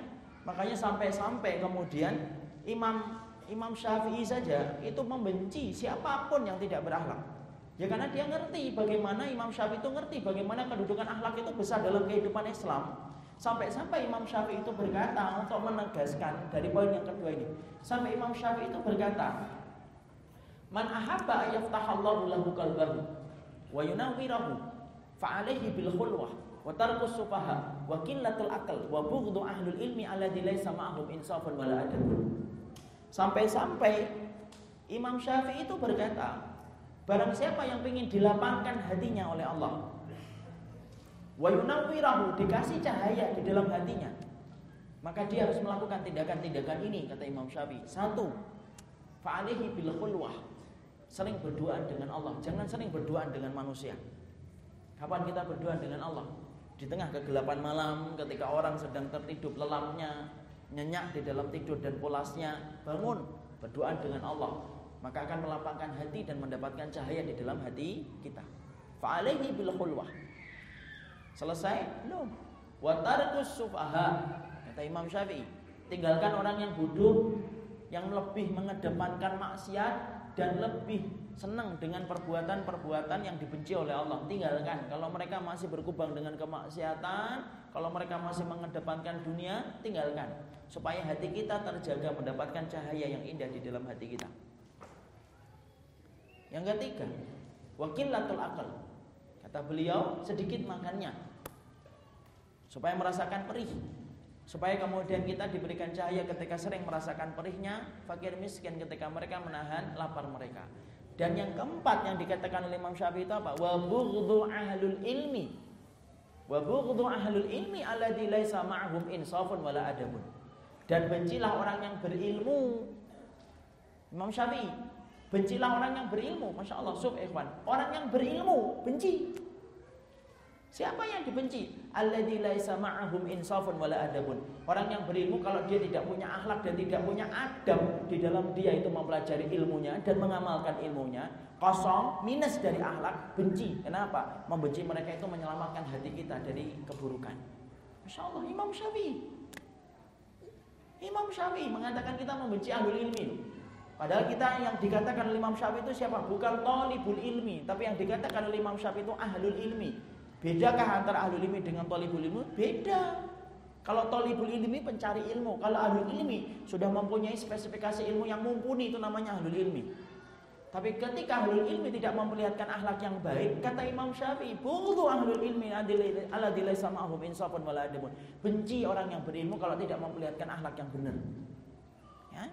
Jadi masya Allah sampai di situlah kita memahami ternyata sikap akhlak itu yang menyelamatkan kita dari keburukan akhlak dan menyebabkan kita itu selamat dari sifat kebangkrutan dan ternyata orang yang buruk akhlak Masya Allah Maka sesungguhnya itu patut untuk dibenci Sampai Imam Syafi'i mengatakan kepada kita Bu, bencilah orang ahlul ilmi Ketika mereka tidak punya akhlak dan tidak punya adab Di dalam kehidupan mereka ya? Makanya Masya Allah Inilah kemudian keutamaan yang kedua Keutamaan yang ketiga tentang akhlak. Keutamaan yang ketiga tentang akhlak adalah akhlak itu merupakan satu perkara yang paling banyak didahulukan oleh para salaf ketika mereka itu belajar sebelum mereka mempelajari ilmu. Mereka mempelajari dulu tentang kehidupan akhlak sebelum mereka mempelajari ilmu. Jadi kemudian para ulama salafus salih kalau mereka kemudian belajar, mereka selalu mendahulukan untuk mempelajari akhlak terlebih dahulu sebelum mereka belajar terhadap ilmu-ilmu yang lainnya. Tidaklah mereka itu memberikan porsi yang paling panjang di dalam mereka itu belajar kecuali mereka itu belajar tentang akhlak. Ya. Makanya masya Allah dikatakan oleh Abdullah bin Mubarak. Abdullah bin Mubarak itu berkata, "Kuntu tul ilma ishrina sanatan wa tul adab salasina sanatan." Ya. Sampai-sampai Abdullah bin Mubarak itu berkata, saya dulu belajar tentang akhlak itu saya itu belajar akhlak 30 tahun. Dan sebelum sungguhnya saya itu kemudian Belajar ilmu yang lainnya, yaitu ilmu hadis, ilmu riwayat, dan berbagai macam ilmu yang lainnya, saya belajarnya itu adalah 20 tahun. Di sini kita melihat porsi yang diberikan oleh Abdullah bin Mubarak untuk belajar akhlak itu lebih banyak, lebih panjang daripada porsi yang diberikan beliau untuk mempelajari ilmu. Kenapa? Oh saking pentingnya. Sampai Abdullah bin Mubarak belajar akhlak itu 30 tahun. Ini yang tadi saya saya, saya, saya, saya sampaikan. Kita ini kalau mengamalin akhlak, pelajaran seumur hidup yang tidak pernah selesai. Jadi selain pelajaran ikhlas yang tidak pernah selesai itu pelajaran apa? Pelajaran tentang akhlak. Kalau kita belajar ilmu manhaj secara globalnya, ingat loh ya, saya katakan, kalau secara globalnya, insya Allah itu kemudian kita mampu tempuh dalam waktu yang singkat, insya Allah. Secara global loh ya, bukan terperinci. Tapi kalau kita belajar akhlak, Masya Allah, ternyata para salaf itu memberikan porsinya ketika mereka belajar akhlak itu jauh lebih panjang daripada mereka belajar tentang ilmu. Sampai Abdullah bin Mubarak 30 tahun beliau itu mempelajari tentang akhlak lebih panjang daripada beliau itu belajar tentang ilmu yang beliau berikan porsinya itu 20 tahun. Ya. Jadi tingginya masalah ini sampai para salaf itu mendahulukan akhlak dulu. Makanya sampai Nabi Musa ketika sebelum mendapatkan kitab Taurat kan disampaikan kepadanya akhlak kan. Bagaimana kemudian ketika Nabi Musa di Bukit Tua itu dikatakan oleh Allah, "Fakhla'na 'alaika innaka bil wadil muqaddas Wahai Musa, kamu itu berada pada bukit yang telah disucikan oleh Allah. Tinggalkanlah, tanggalkanlah kakimu, tanggalkanlah apa? Tanggalkanlah apa sandalmu karena kamu berada pada bukit yang suci. Di situ akhlak. Dan akhlak apa yang disampaikan oleh Allah kepada Nabi Musa? Akhlak bagaimana dia meninggalkan sandal untuk kemudian bersuci. Di sini kita paham betapa pentingnya kehidupan akhlak sampai para salaf itu mendahulukan belajar akhlak sebelum mereka itu belajar mendahulukan yang lainnya. Makanya sampai kemudian Ad-Daqqaq itu dia berkata kepada putranya. Apa yang dikatakan ketika putranya lagi belajar, lagi baca, maka kemudian beliau mengatakan ij'al adabaka daqiqan waj'al ilmaka waj'al ilmaka milhan. Maka kemudian dampak ini berkata kepada putranya yang lagi belajar. Apa yang dikatakan oleh beliau? Nah kamu ini lagi belajar ilmu. Jadikanlah ilmu kamu Itu sebagaimana tepung. Dan jadikanlah adonan yang kamu eh, Jadikanlah kayak adonan tepungnya Tepungnya. Dan jadikanlah ilmu kamu Itu sebagaimana garamnya Kalau kita buat adonan pak Maka yang paling banyak adonan itu apa? Tepungnya. Garam itu hanyalah untuk kemudian memberikan rasa. Dan garam itu tidak pernah banyak. Garam itu ditaburin saja. Maka dapat kemudian berkata Jadikanlah ilmu yang kamu pelajari kayak garam. Tapi jadikanlah akhlak yang kamu pelajari Itu sebagaimana adonan tepung di mana porsinya lebih besar daripada garam yang dibutuhkan. Di situ kemudian kita dahsyatnya kehidupan akhlak. Makanya sampai-sampai dulu kaum muslimin mereka itu rebutan. Kalau mereka itu ingin mendapatkan rumah di dekatnya para ulama para salafus salih. Kenapa? Karena mereka ngerti hidup bersama dengan para salaf itu betul-betul hidup bersama dengan kesempurnaan akhlak. Makanya ada orang Yahudi yang pernah menjadi tetangganya Abdullah bin Mubarak. Itu tiba-tiba menjual rumahnya dengan harga 2000 dirham padahal rumahnya normalnya itu berapa? 1000 dirham seribu dirham rumahnya. Maka kemudian orang yang akan membelinya berkata berapa rumah yang kamu jual? Ini disebutkan dalam kitab Al-Mafakir. Kemudian Yahudi itu berkata aku jual rumahku 2000 dirham. Kemudian orang yang akan membelinya berkata mahal sekali rumahmu 2000 dirham. Padahal kan normalnya adalah 1000 dirham. Kenapa kamu berani untuk menjual sampai 2000 dirham? Dua kali lipat. Iya, Aku berani menjual dua kali lipat Karena apa? Karena tetanggamu nanti kalau jadi membeli rumahku Tetanggamu adalah Abdullah bin Mubarak Seribu dirham Karena untuk membiayai, untuk menghargai rumahku Seribu dirham Karena kamu nanti mendapatkan tetangga Yaitu adalah Abdullah bin Mubarak Masya Allah Sampai berdekatan dengan rumahnya ulama Pada zaman salafus salih Orang Yahudi saja mengakui akhlaknya Sampai dia ketika menjual rumahnya dia berani menaikkan harga rumahnya dua kali lipat untuk kemudian supaya bisa mendapatkan tetangga kayak Abdullah bin Mubarak, masya Allah. Kenapa sampai semacam itu? Karena mereka ngerti bagaimana tingginya dan luhurnya akhlak para salafus salih. Sampai rumah pak dua kali lipat pak. Masya Allah ini kalau kemudian ada developer yang kayak gini, masya Allah ini pasti bangun dibangun rumah yang banyak di dekatnya Abdullah bin Mubarak. Karena ternyata rumah itu pun walaupun dijual dua kali lipat, itu orang rebutan untuk membeli. Kenapa? Karena mereka ingin merasakan nikmatnya hidup bersama dengan Abdullah bin Mubarak. Masya Allah. Di situ kita mengetahui kehidupan akhlak itu memancar dari kehidupan para salafus salih. Makanya masya Allah, di sinilah kita mengetahui bagaimana ketinggian akhlak para salafus salih sehingga kemudian menjadikan mereka betul-betul dimuliakan oleh Allah dengan ketinggian akhlak mereka sampai mereka meletakkan akhlak pertama kali sebelum mereka itu meletakkan perkara yang lainnya. Makanya Hasan al Basri rumahnya pernah tertetes dengan tetesan air najis 11 tahun ikhwan oleh orang Yahudi. Tidak ada yang tahu itu. Sampai satu ketika Hasan al Basri itu sakit. Sampai Hasan al Basri itu sakit. Sampai kemudian di tetangganya Yahudi itu kemudian datang. Untuk kemudian menjenguknya.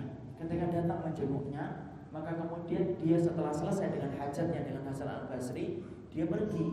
Ketika dia mau keluar dari rumah, dia melihat tetesan. Kemudian ditanya sama orang Yahudi ini tetesan apa? Itu tetesan air najis. Makanya aku kemudian kasih ember. Air najis dari siapa? Dari rumahnya siapa dari rumahnya antum dari rumahnya kamu. Lu lu ternyata bocor. Iya sudah berapa tahun kamu kemudian menampung ember ini? Kata Hasan al berapa 11 tahun aku menampungnya Masya Allah. Dan akhirnya apa? Hasan al Basri mendapati orang Yahudi itu nangis. Ketika sebelum keluar rumah, dia umumkan untuk keluar rumah, dia duduk kembali, dia berkata, kamu sabar mendapati air najis yang keluar dari rumahku selama 11 tahun? Maka orang Yahudi itu langsung kemudian berkata apa? Kalau begitu, saya kemudian ingin masuk ke dalam Islam, Masya Allah. Sampai akhirnya menjadikan dia masuk Islam. Inilah yang dinamakan dengan kehidupan akhlak. Sampai para sahabat, para salaf, mereka itu mendahulukan belajar akhlak, mereka belajar yang lainnya karena ketinggian akhlak yang dimiliki oleh para sahabat. Yang keempat, apa yang dinamakan dengan keutamaan akhlak? Kemudian yang keempat, para ulama lalu menerangkan sesungguhnya orang yang berakhlak adalah orang yang paling dicintai oleh Allah Subhanahu wa taala. Khairun nasi anfa'uhum linnas ahabba ilallahi bahwasanya orang yang paling dicintai oleh Allah adalah orang yang paling bermanfaat kepada manusia-manusia sekitarnya. Maka inilah yang dikatakan oleh Abdul Badawi Al-Khalafi dalam kitabnya Ahbabullah Orang yang paling dicintai oleh Allah Yaitu adalah orang yang paling sempurna di dalam akhlaknya Yaitu ahabba ilallahi ahsankum khuluqan. Orang yang paling dicintai oleh Allah Yaitu adalah orang yang paling sempurna di dalam masalah akhlak. Nah, sudah kita belajar ini ya sudah kita belajar bagaimana manhaj sahabat itu penting. Kita sekarang sudah belajar bagaimana keutamaan akhlak. Baru kita mencontoh nih bagaimana akhlaknya para sahabat dalam kehidupan mereka sehari-hari. supaya kemudian gambarannya itu jelas. Bagaimana kemudian kehidupan kita ketika kita mengikuti kehidupan para salafus salih. Maka kita tidak akan menyampaikan ini dulu. Tapi yang ingin saya sampaikan dulu adalah bagaimana kehidupan akhlaknya Rasulullah SAW yang menjadi guru para sahabat ketika sahabat itu mencontoh akhlaknya Rasulullah SAW. Tidak ada guru yang paling baik dan tidak ada guru yang paling terbaik kecuali adalah para sahabat, kecuali adalah Rasulullah.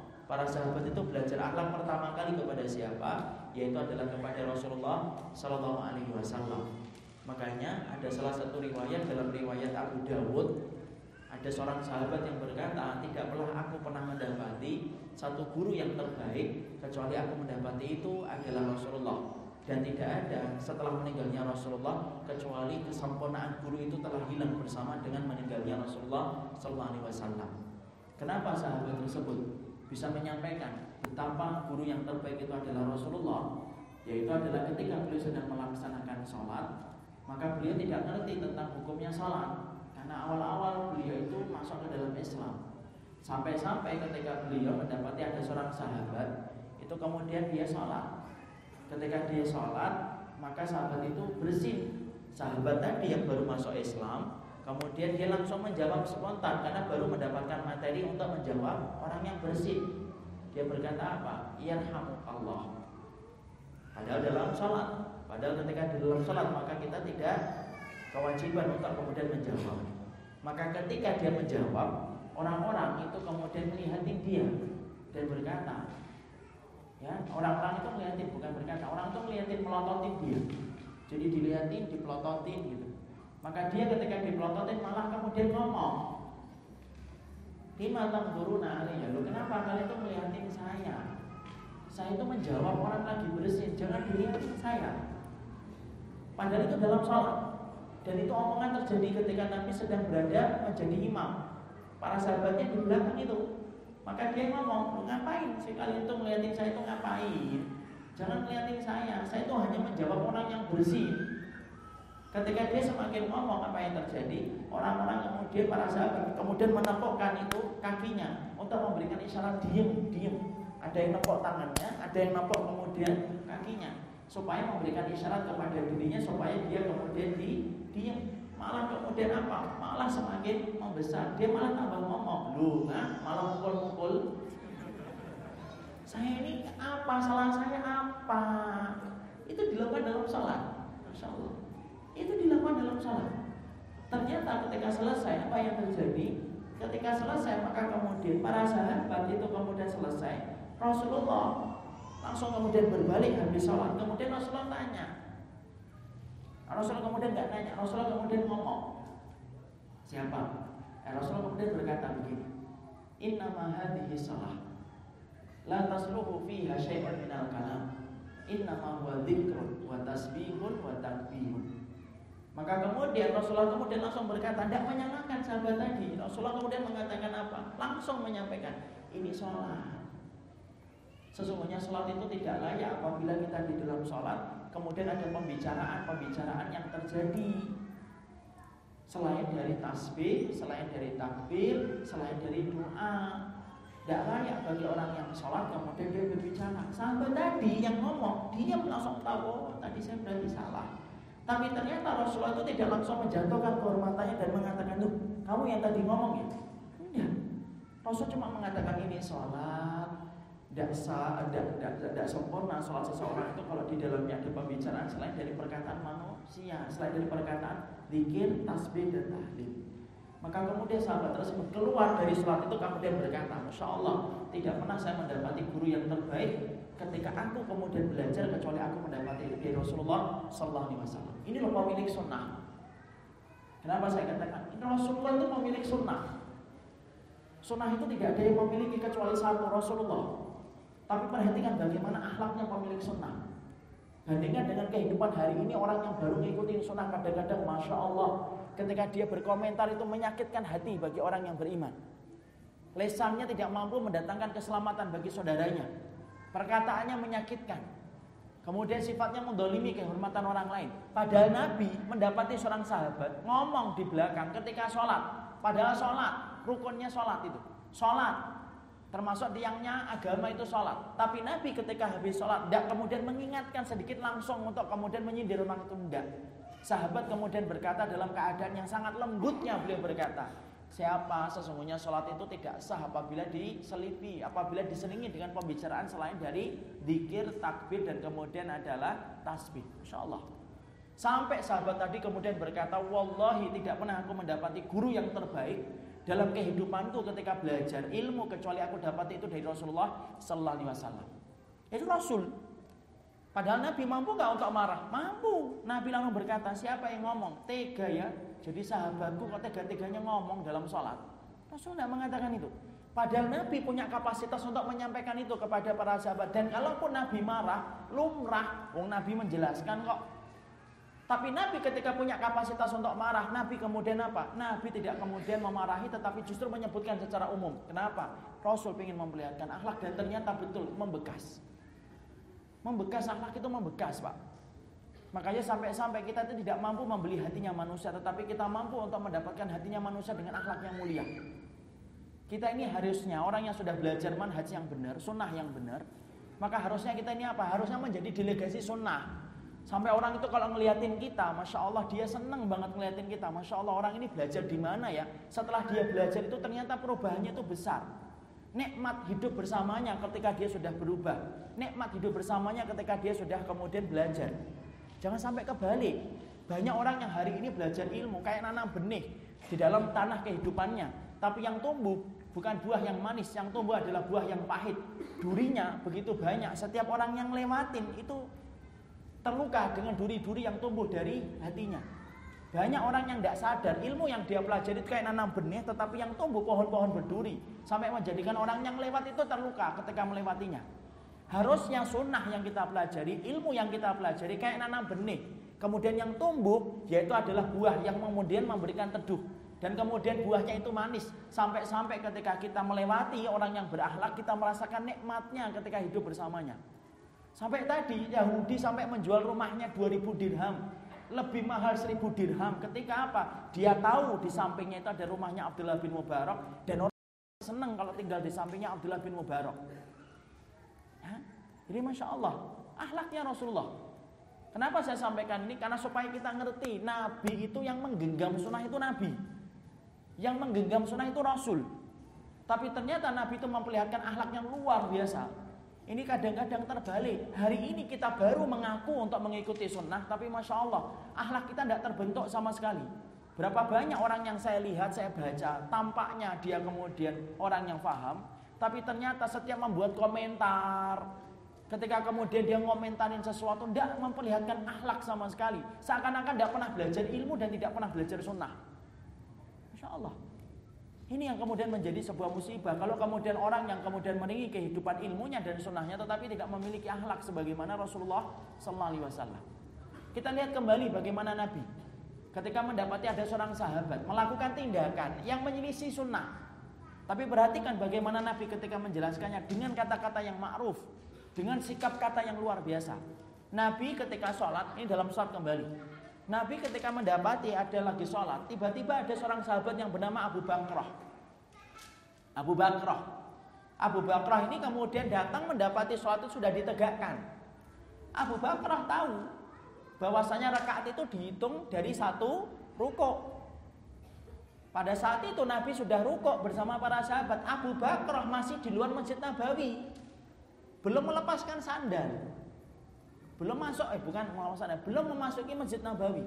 Apa yang dilakukan oleh Abu Bakar? Abu Bakar kemudian langsung takbir Allahu Akbar di luar Masjid Nabawi, kemudian langsung ikutin takbir, langsung ruko. Ruko jalan dia pelan-pelan gitu. Kemudian masuk ke sofnya Rasulullah Wasallam. Jalan loh dalam keadaan ruko. Ikhwan, masya Allah ini. Kemudian ternyata Nabi diberitahu oleh malaikat Jibril itu loh ada sahabatmu namanya Abu Bakar dia rukuk sebelum masuk dia jalan sambil rukuk memasuki sholatmu supaya dia mendapatkan satu rakaat. Masya Allah. Ini kalau sunahnya ini benar, oh bisa jadi kita ini kalau parkir Allahu Akbar, atau langsung rukuk dari mobil sampai ke dalam. Kemudian perhatikan Rasulullah, selesai sholat, Nabi tidak kemudian mengatakan siapa ya yang berani-berani rukuk di luar masjid. Yang kehilangan satu rakaat yang tidak apa-apa gitu loh. Gak usah gitu ngamalin sunnah itu. Ya gitu. Rasulullah kemudian berkata, siapa tadi yang kemudian sembari jalan dia rukuk ini siapa? Yang ditanya sahabat, ngaku. Kalau yang ditanya kita mungkin diem semuanya, tawadu aja. Yang ditanya sahabat, kemudian sahabat dengan jujur mengatakan saya ya Rasulullah, Abu Bakar. Perhatikan kata Rasulullah. Nabi kemudian berkata singkat dan sederhana zadakallah khirsan wala tu'id. Abu Bakar semoga Allah menambahmu kebaikan dan semangat kebaikan. Khirsan itu semangat kebaikan. Makanya kan sering saya kadang-kadang kalau mendoakan ikhwan itu zadakallah khirsan. Semoga Bapak ditambahkan semangat dalam kebaikan. Nabi Nabi justru mendoakan dulu zadakallah khirsan semoga Allah itu nambahmu di dalam kebaikan Semoga sahabat itu nambah di dalam kebaikan. Semoga Allah itu menambahmu dalam semangat kebaikan. Wala. Tapi ingat ya, perbuatanmu yang kayak tadi, tolong jangan diulang lagi ya Abu Bakar. Iya ya Rasulullah. Dan akhirnya Abu Bakar tidak pernah mengulang itu kembali. Masya Allah. Padahal yang dilakukan kita apa? Menyimpang dari sunnah, menyimpang. Sholatnya di luar kok, rukuknya di luar, Tapi kemudian ternyata dia sahabat tadi kemudian mendapatkan justru perkataan apa? Doa yang disampaikan oleh Nabi pertama kali. Zadakallahu khirsan. Semoga Allah itu nambahmu di dalam semangat kebaikan wala tu'id, tetapi jangan kamu tambahi lagi ya. Hal yang semacam itu jangan kamu ulangi lagi. Di sinilah kita melihat Masya Allah betapa Rasulullah itu Shallallahu Alaihi Wasallam luar biasa ketika mendidik akhlak jadi ternyata Nabi itu bukan hanya menyampaikan keutamaan halal, tetapi Nabi itu kemudian memperlihatkan bagaimana Nabi itu memperlihatkan akhlak yang mulia. Makanya Nabi kalau mendapati seorang sahabat melakukan kesalahan, semangatnya Nabi itu tidak membuka kesalahan. Itu semangatnya Nabi. Semangatnya Nabi itu tidak pernah membuka kesalahan. Semangatnya Nabi itu nyarikan udur untuk saudaranya. Nyarikan udur untuk saudaranya. Makanya kemudian ada seorang sahabat yang berzina. Siapa namanya? Ma'is bin Malik Ketika sahabat tersebut kemudian berzina, datang kepada Nabi mengatakan tohirni, ya Rasulullah tolong sucikan saya. Sebagian ahli ilmi mengatakan Nabi itu tahu kalau sahabat ini sudah berzina. Ya, tapi Nabi lihat, Nabi memberikan udurnya. Apa udur yang diberikan Nabi kepada sahabat Mais bin Malik? Nabi berkata, Waihaka farji ilaihi fastaq Waihaka farji fatub ilaihi fastaqfirillah Amboi, apa yang kamu katakan? Pulang pulang saja ke rumah, kamu itu istighfar di rumah, tobat di rumah saja. Kemudian sahabat tadi balik lagi kepada Nabi sampai tiga kali. Sampai keempat kalinya Nabi sudah memberikan udur tiga kali. Kamu istobatnya di rumah saja, tidak usah di sini. Jangan di sini tobatnya, tobatnya di rumah saja. Tapi kemudian sahabat tadi bolak balik bolak balik sampai keempat kalinya. Sampai keempat kalinya? Barulah kemudian Rasul itu tanya, Fima utohiruka kamu ngelakuin apa? Sampai pengen dibersihkan tuh ngelakuin apa? Sahabat itu menyebutkan dosa kecil atau dosa besar? Dosa besar banget. Dia mengatakan tohirni minazina ya Rasulullah. Ya Rasulullah tolong sucikan saya dari dosa zina ya Rasulullah. Perhatikan zina ikhwan. Zina. Padahal kemudian Ma'is bin Malik sudah menikah. Sudah menikah? Sudah. Ma'is bin Malik sudah menikah lalu kemudian Rasulullah SAW berkata memberikan udur tidak langsung marah Rasulullah mengatakan kamu berzina, masya Allah sudah punya istri, Quran masih diturunkan, aku masih hidup. Mau menikah lebih dari satu boleh kok, kamu kok sempat sempatnya zina? Enggak. Rasul kemudian carikan udur. Apa udur yang disampaikan Nabi kepada Ma'is bin Malik? Dia berkata kepada para sahabatnya. Apa yang dikatakan Nabi?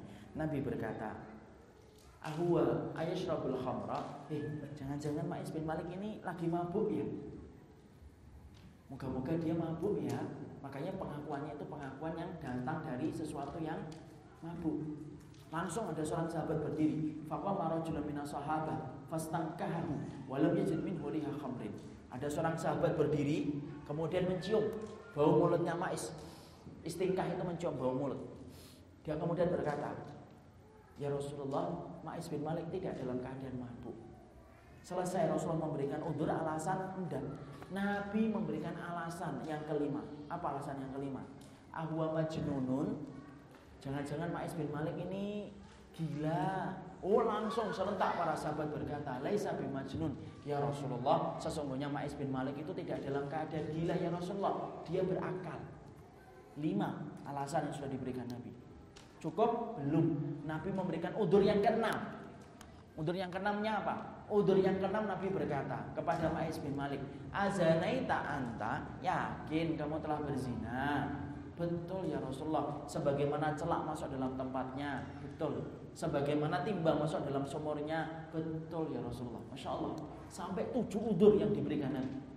Ketika tujuh udur yang diberikan Nabi, semuanya ternyata ternyata kemudian ter, tergugurkan. Baru Nabi mengatakan faumiru birjihi. Baru kemudian Nabi mengatakan rajam orang ini baru dirajam. Saya tidak membicarakan Ma'is bin Malik, tapi yang saya sampaikan, lihat ahlaknya Nabi sampai pelaku dosa sekalipun. Nabi itu nutupin dulu. Nabi itu nutupin dulu. Kalau kita kan hari ini enggak, kita dapetin kekurangan saudara kita, wuh langsung kita seneng luar biasa. Kita langsung share ke mana-mana, padahal belum tentu apa yang ditulis itu benar. Ya, apa yang dia share, apa yang dia bagi belum tentu benar. Padahal Nabi mendapati seorang sahabat ngaku, ngaku loh ini, Nabi mengatakan apa? Lu kamu yakin telah berzina? Iya. Jangan-jangan dia mabuk, jangan-jangan dia gila. Bahkan Nabi memberikan kesempatan kamu pulang istighfar di rumah saja ya, Ma'is istighfar di rumah, tobat di rumah saja. Tapi ternyata Masya Allah Ma'is bin Malik tetap datang dan meminta supaya disucikan oleh Nabi Tapi lihat Nabi sebagai pemenang, sebagai pemegang tunggal hukum di dalam sunnah Ternyata Nabi tidak langsung memberikan hukuman. Memberikan udur dulu Baru kemudian menetapkan hukuman tajam kepada Ma'is bin Malik. Itu anaknya Rasul. Makanya Rasulullah itu kalau mendapati para sahabat melakukan dosa besar Kelihatan betul anaknya Nabi itu ketika berhadapan dengan pelaku dosa besar. Sama orang yang nggak paham. Bagaimana Nabi mendapati pula ada seorang sahabat datang kepada Nabi, tiba-tiba teriak. Teriak, sebelum ketemu Nabi sudah teriak. Apa yang dia teriakkan? Halak tuh ya Rasulullah. Saya ini celaka ya Rasulullah. Ma'ahla kakak. Nabi lembut dia berkata, Ma'ahla kakak. Yang menjadikan kamu celaka apa? Lalu kemudian sahabat tadi berkata, "Ini waqatu baina imraati fi nahari Ramadan." Ya Rasulullah, sesungguhnya saya mencampuri istriku ya Rasulullah pada waktu siang hari di bulan Ramadan. Masyaallah, dosa besar atau dosa kecil? Dosa besar, mencampuri istri kok. Dia siang hari bulan Ramadan. Ini dosa besar. Ternyata Nabi ketika mendapati itu tidak komentar, tidak memberikan taklik. Nabi tidak komentar apa pun Nabi. Nabi tidak mengatakan Masya Allah, mbok sabar gitu loh Nunggu nanti malam itu apa beratnya sih Nabi tidak memberikan komentar gitu Ya Allah kamu itu sahabat. Malu nanti dilihat sama orang-orang setelah kamu. Mau nahan sebentar kok tidak bisa. Makanya kalau kemudian puasa itu jangan deket-deket. Nabi tidak memberikan komentar. Masya Allah saya ketika membaca hadisnya itu Nabi tidak memberikan komentar apa pun.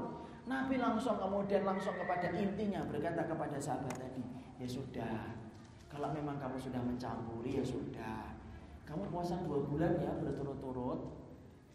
Antasuma syahraini ini. Kamu puasa dua bulan berturut-turut.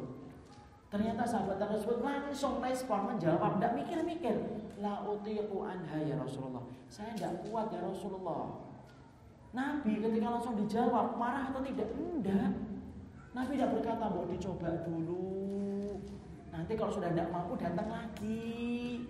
Jangan cepat-cepat jawab. Nabi tidak ngomong kayak gitu. Nabi langsung berkata, ya sudah, kalau memang tidak mampu dua bulan berturut-turut, ya sudah tidak apa-apa. Kamu bebaskan budak. Ya Rasulullah, la utiku anha. Saya juga tidak mampu untuk membebaskan budak. Nabi tidak berkata, sudah cari uang dulu, nabung. Nabung, kalau sudah banyak, nanti baru datang ke sini. Enggak, ya sudah kalau memang tidak bisa untuk membebaskan budak kamu kalau begitu kemudian berikan makanan kepada 60 fakir miskin kemudian dia berkata apa ya Rasulullah? Saya ini termasuk fakir miskin ya Rasulullah. Bagaimana saya memberikan makanan ini kepada 60 orang miskin ya Rasulullah? Saya tidak mampu. Masya Allah Nabi tidak mampu tiga tidak komentar ikhwan. Saya itu ketika membaca ini, saya membaca itu mencari apa sih yang dikomentari Nabi itu apa. Saya mendapati riwayat ini ada empat riwayat, tapi tidak ada satupun komentar Nabi kecuali nyebutkan apa yang harusnya dilakukan sahabat tersebut. Kemudian Nabi ketika kemudian tidak mampu dia untuk memberikan makanan kepada 60 orang miskin ketika dia mengatakan paket Nabi pun tidak komentar. Makanya tak kalau tidak punya apa-apa, oh jangan deket-deket istri kalau siang hari bulan Ramadan. Ngomong Padahal mampu nggak Rasul kayak gitu? Mampu, Rasulullah mampu dan sahabat itu pun insya Allah juga tidak akan sakit hati. Tapi Nabi tidak, sudah. Nabi justru membantu pelaku dosa besar untuk keluar dari kubangan dosanya. Ini loh semangatnya sunnah. Semangatnya sunnah itu masukkan orang banyak-banyaknya ke surga. Semangatnya sunnah itu bukan ngeluarin orang banyak-banyak dari surga. Fulan tidak sunnah, fulan tidak sunnah, ini fulan ini jelas, ini fulan ini keluar dari sini. Semangatnya sunnah itu tidak ngeluarin orang dari surga. Semangatnya sunnah itu memasukkan orang sebanyak-banyak dalam surga. Makanya Nabi masuk ke dalam ngambil, yaitu adalah korma Kemudian korma yang banyak ini diberikan kepada itu, kepada kemudian sahabat tadi. Rasulullah berkata, sudah ini ya, bagikan kepada tetangga-tetanggamu. Loh, sahabat itu masih nawar. Nawarnya gimana? Ya Rasulullah, apakah ada orang yang lebih miskin daripada saya di komplek rumah saya ya Rasulullah? Saya yang paling miskin. Nabi itu enggak kemudian menelan, udah, enggak. Nabi berkata, ya sudah, itu buat kamu saja. Itu moga-moga menggugurkan dosa kamu. Masya Allah dapat korma itu korma ajwa itu langsung dari tangannya Rasulullah SAW dan ternyata justru ketika melakukan dosa besar Sahabat tadi ketika setelah pulang dari Nabi, masya Allah, dia betul-betul menyadari kesalahannya. Dia ngerti bahwasanya mendatangi kemudian istrinya ketika siang hari bulan Ramadan itu dosa besar. Tapi masya Allah, indahnya kehidupan beliau ketika mendapati guru itu kayak Nabi. Masya Allah, antum dan saya coba nikmatnya kayak apa kalau kita hidup bersama kayak Nabi. Hidupnya di bawah Rasulullah yang ngamalin sunnah itu Rasul. Bukan orang yang setengah-setengah di dalam akhlaknya. Kalau hidup kita ini hari ini sama Rasul ikhwan, Anak yakin pelaku dosa besar pun akan riri sama orang yang kemudian belajar sama Nabi. Kenapa? Karena kenikmatan kita bersama dengan Nabi. Kenapa? Karena nikmatnya Rasulullah itu mendidik para sahabat. Ini masya Allah yang menjadikan kita akhirnya lupa. Ini loh akhlak. Dan Nabi betul-betul kemudian menyampaikan akhlak itu indah. Bukan hanya di dalam majelis, tetapi indah dalam perbuatan sehari-hari. Hari ini pelajaran tentang akhlak itu indah di dalam majelis ilmu, tapi tidak pernah indah ketika keluar dari majelis ilmu. Berapa banyak orang yang mempelajari akhlak itu sampai 4 jam, 5 jam. Keluar dari majelis ilmu, tidak kelihatan akhlaknya. Padahal Masya Allah, sholat kita aja belum tentu diterima. Puasa kita belum tentu diterima. Tapi kita sudah menodai bagaimana sholat kita menodai puasa kita dengan sesuatu yang sifatnya dibenci oleh Allah ketika kita memberikan akhlak yang buruk. Makanya Masya Allah, di sinilah kita paham. Itulah akhlak. Guru terbaik di dalam masalah akhlak di dalam sunnah itu siapa? Rasul. Karena apa? Pemilik sunnah itu adalah Rasulullah Sallallahu Alaihi Wasallam. Nah, setelah kita belajar Rasulullah, baru kita belajar para sahabat. Kita nyontoh nih, bagaimana kehidupan akhlaknya Rasulullah, bagaimana kehidupan akhlaknya para sahabat. Dan ternyata kehidupan akhlaknya para sahabat itu banyak. Bahkan kalau antum nanti berkesempatan untuk membeli buku, tolong beli buku yaitu adalah buku Aina Nahnu min akhlaki salaf. Di mana posisi kita di antara akhlaknya para salafus salih. Buku ini ikhwan pernah dipelajari sampai berhari-hari untuk kemudian belajar dari mana posisi kita ketika belajar akhlaknya para sahabat. Kalau kita mau bagi per pembahasan tentang akhlak para sahabat, kita bisa mendapatkan hampir 16 poin pembahasan ketika kita belajar bagaimana akhlaknya para sahabat, akhlaknya ketika berbeda pendapat, akhlaknya ketika mereka beribadah, akhlaknya ketika mereka bermuamalah, akhlak mereka ketika mencari ilmu dan lainnya. Ada 16 bab. Kalau kita pelajari, insya Allah kita butuh 16 jam kembali untuk mempelajari semua 16 bab itu. Tapi kita tidak mempelajari semuanya.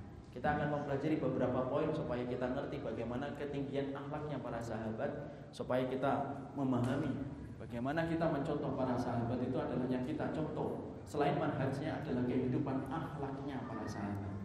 Jangan pisahkan antara manhaj dengan akhlak. Karena manhaj dengan akhlak itu tidak pernah terpisah. Sebagaimana pakaian dengan tubuh. Kalau ada orang yang punya manhaj tetapi tidak berakhlak, dia punya tubuh tetapi dia tidak punya pakaian, telanjang, kelihatan semua auratnya oleh orang lain. Tapi orang ketika kemudian mereka belajar akhlak tetapi tidak mau mempelajari akhlak, dia belajar akhlak tapi tidak mau mempelajari sunnah. Dia mengatakan yang penting akhlak, sunnah itu tidak penting, manhaj itu tidak penting, yang penting akhlak itu sama orang punya pakaian tetapi tidak punya tubuh tidak ada manfaatnya ketika kita punya akhlak tetapi tidak memiliki manhaj yang benar dua perpaduan yang tidak pernah terpisah yaitu adalah bagaimana kehidupan manhajmu yang benar ketika mengikuti Nabi dan para sahabat dan bagaimana kehidupan akhlakmu ketika kamu telah belajar manhaj dari para Nabi dan belajar akhlak dari para sahabat Rasulullah SAW. Kita ambilkan yang pertama, pembahasan yang pertama. Bagaimana kehidupan akhlaknya para sahabat ketika mereka berbeda pendapat. Ini menjadi penting saya sampaikan pertama kali sebelum menyampaikan bab yang lainnya karena ini termasuk di antara perkara yang sangat relevan untuk kita bahas dalam kesempatan hari ini. Karena kita harus paham sesungguhnya sunnah bukan berarti kita tidak berbeda pendapat. Ya, bahwasanya berbeda ketika kita mempelajari sunnah bukan berarti kita kemudian mendapati riwayat itu berbeda. Orang yang mempelajari sunnah terkadang mereka berbeda. Tetapi perbedaan itu tidak menjadikan kita langsung keluar dari sunnah. Karena mengeluarkan orang dari sunnah itu bukan pekerjaan yang gampang. Ikhrajun nasi minas sunnah syadidun. Meluarin orang dari sunnah itu perkara yang berat, bukan perkara yang gampang, bukan perkara yang ringan. Makanya kita harus paham kalau anak dan antum mempelajari sunnah bukan berarti bahwasanya kita nanti tidak menemukan perbedaan dalam permasalahan-permasalahan ibadah yang kita lakukan. Kadang-kadang kita sama-sama sunnah, tapi ternyata kita mendapati perbedaan-perbedaan. Perbedaan itu selama koridornya kembalinya kepada dalil yang sahih, tolong apabila kembalinya kepada dalil yang sahih, tolong hormati saudara antum ketika berbeda dengan antum selama mereka memiliki dalil-dalil yang sahih. Kenapa saya sampaikan ini? Saya cukup sedih. Banyaknya orang hari ini ketika menanggapi perbedaan, satu karena kebodohan, dua karena taklid buta, itu menjadikan perbedaan itu sebagaimana dia memahami perbedaan itu akidah, hitam dan putih. Sampai kemudian akhirnya bermusuhan hanya karena perbedaan yang sifatnya berdasar kepada para ulama terdahulu. Ya, saya masih ingat dua tahun lalu, mungkin bapak-bapak dan ibu masih ingat dua tahun lalu kita sempat dihangatkan tentang sebuah perbedaan tentang melaksanakan puasa Arafah. Di mana puasa Arafah terjadi perbedaan antara tanggal 9 di sini dengan tanggal 9 di Saudi. Saat itu Saudi wukufnya lebih dulu dan kita jatuhnya tanggal 9 datang setelah esok harinya. Maka kemudian akhirnya hangat di mana-mana dibahas. Apakah kita puasa Arafahnya mengikuti wukuf ataukah puasa Arafahnya mengikuti ru'yah di tempat kita? Ada sebagian yang mengikuti puasa Arafah itu mengikuti wukuf, ada sebagian kaum muslimin yang mengikuti puasa Arafah yaitu mengikuti tanggalnya di Indonesia walaupun mereka puasa Arafahnya tepat setelah satu hari para jamaah haji melaksanakan wukuf. Saya ketika mendapati itu ikhwan terlibat dalam satu grup. Ya, di situ grupnya itu rami ketika mereka sama masing-masing menyampaikan dalil tentang miqat yaitu miqat zamani dan miqat makani. Mikot zaman itu apa? Yaitu puasa Arafah berdasarkan kepada waktu. Kalau mikot makani yaitu puasa Arafah berdasarkan kepada wukuf dan dua-duanya punya dalil. Walaupun yang lebih rajin, yang lebih kuat itu pun berbeda-beda pendapat satu dengan pendapat yang lainnya. Ada yang merajinkan puasa Arafah itu berdasarkan kepada rukyah di tempat kita.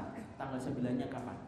Ada sebagian ahli ilmi, salah satunya Syekh Husaimin yang menyadarkan bahwasanya kalau terjadi perbedaan tanggal 9 maka sesungguhnya kita mengikuti eh bukan saya ulama yang lainnya mengatakan mengikuti wukufnya di Arafah. Tapi ternyata masya Allah di grup itu rami debat menyampaikan dalil tidak pernah putus sampai akhirnya apa? Dua-duanya live group, masya Allah. Dua-duanya yang satu live, yang satu live hanya karena persoalan masalah membahas tentang puasa di Arafah sampai keluar dari grup Sampai kemudian mereka mengajak simpatisan untuk kemudian membenci orang yang kemudian berbeda dengan dia. Masya Allah. Saya itu sampai membuat status saat itu. Puasa Arafah itu sunnah. Mencintai orang yang beriman itu hukumnya wajib. Sejak kapan yang sunnah itu menggeser sesuatu yang wajib? Mencintai orang yang beriman itu wajib ya kawan. Tapi kalau puasa Arafah hukumnya sunnah atau wajib? Sunnah. Dan sesungguhnya yang sunnah tidak pernah menggeser yang wajib. Tapi kenapa bisa terjadi? Karena orang nggak paham tentang ilmu. Makanya semakin kita berilmu, semakin kita akan bijak menyikapi perbedaan ketika kita mempelajari sunnah. Makanya saya pernah ditanya sama beberapa ikhwan Ustaz, kalau antum punya doa yang mustajab satu untuk umat, untuk jamaah antum, apa yang antum minta? Saya ingin jamaah itu bisa untuk belajar bahasa Arab dan bisa mereka itu membaca kitab-kitab Arab. Kenapa? Supaya kalau mereka mendapati perbedaan yang ada di antara saya dengan teman-teman saya, maka mereka kemudian mudah untuk merujuknya kepada kita. Tapi kan Masya Allah Menjadikan antum bisa belajar bahasa Arab itu kan tidak gampang. Wong sekalinya dibuka kursus bahasa Arab Yang daftar rame 70 orang. Setelah 3 bulan tinggal dua orang. Masya Allah. Yang satu ngantuk, yang satu ke kamar mandi. Ya ada lagi yang tersisa. Akhirnya apa? Akhirnya ngajinya ngaji kuping. Akhirnya kalau mendapati perbedaan langsung kemudian menyikapi dengan langsung giginya meruncing cakarnya langsung kemudian tumbuh kalau mendapati perbedaan. Masya Allah, sunnah tidak menjadikan gigi antum bertaring, sunnah tidak menjadikan kuku antum bertaring kepada saudara-saudara antum ketika antum berbeda pendapat. Inilah pentingnya. Kenapa pembahasan ini di antara 16 bab tentang akhlaknya para sahabat saya dahulukan pembahasan tentang masalah perbedaan karena ternyata banyak di antara kita hari ini lupa belajar bagaimana para sahabat itu berbeda pendapat. Bukankah antara sahabat Ali bin Abi Thalib dengan sahabat Muawiyah mereka kemudian berperang. Tapi ada nggak yang mengatakan bahwasanya salah satu di antara mereka itu keluar dari sunnah? Tidak ada. Kenapa? Mereka menyikapi perbedaan mereka itu dengan ilmu. Inilah pentingnya bagi kita, masya Allah, belajar. Yang pertama yang termasuk penting adalah belajar bagaimana para sahabat itu berbeda pendapat. Maka kita ambilkan salah satunya. Satu riwayat yang paling terkenal bagaimana perbedaan pada pendapat di mana para sahabat itu menunjukkan akhlak yaitu adalah ketika Rasulullah SAW dalam perang Ahzab. Lalu kemudian Rasulullah SAW dalam perang Ahzab kemudian meletakkan senjata. Lalu kemudian turun perintah supaya jangan meletakkan senjata, langsung pergi ke Bani Quraidah. Bani Quraidah, para sahabat kemudian memerintahkan, kemudian Rasulullah memerintahkan para sahabat ke pergi ke Bani Quraidah. Kemudian Rasulullah memberikan isyarat kepada para sahabat ke pergi kepada ketika pergi ke Bani Quraidah. Apa yang dikatakan oleh Rasulullah ketika memerintahkan para sahabat pergi ke Bani Quraidah? Nabi berkata, "La yusalliyanna ahadukum al-asra illa bi Bani Quraidah." kalian jangan sekali-kali sholat kecuali kalian itu sholat asarnya di Bani Quraidah. Para sahabatnya satu nih, satu ikhwan. Ya, perintah hadisnya satu, perintah hadisnya satu. Para sahabat kemudian jalan, jalan mereka untuk pergi ke Bani Quraidah. Ketika kemudian mereka berjalan, mereka mendapati waktu asar mau habis. Waktu asar mau habis. Maka kemudian para sahabat berbeda pendapat. Ini gimana? Nabi memerintahkan kita supaya kita tidak sholat asar kecuali di Bani Quraidah. Bani Quraidah masih jauh dari tempat kita. Ini masih jauh dari tempat kita. Bagaimana kami ini? Maka kemudian para sahabat fakta lava berbeda pendapat. Sebagian para sahabat sholat asar di jalan sebelum sampai ke Bani Quraidah. Sebagian para sahabat sholat tapi kemudian mereka mengakhirkan sholatnya tidak mau menyegerakan. Mereka maunya nanti sholat asarnya di Bani Quraidah. Kapan mereka akhirnya sholat? Mereka akhirnya melaksanakan sholat selepas isya. Ya. Jadi kemudian ternyata apa?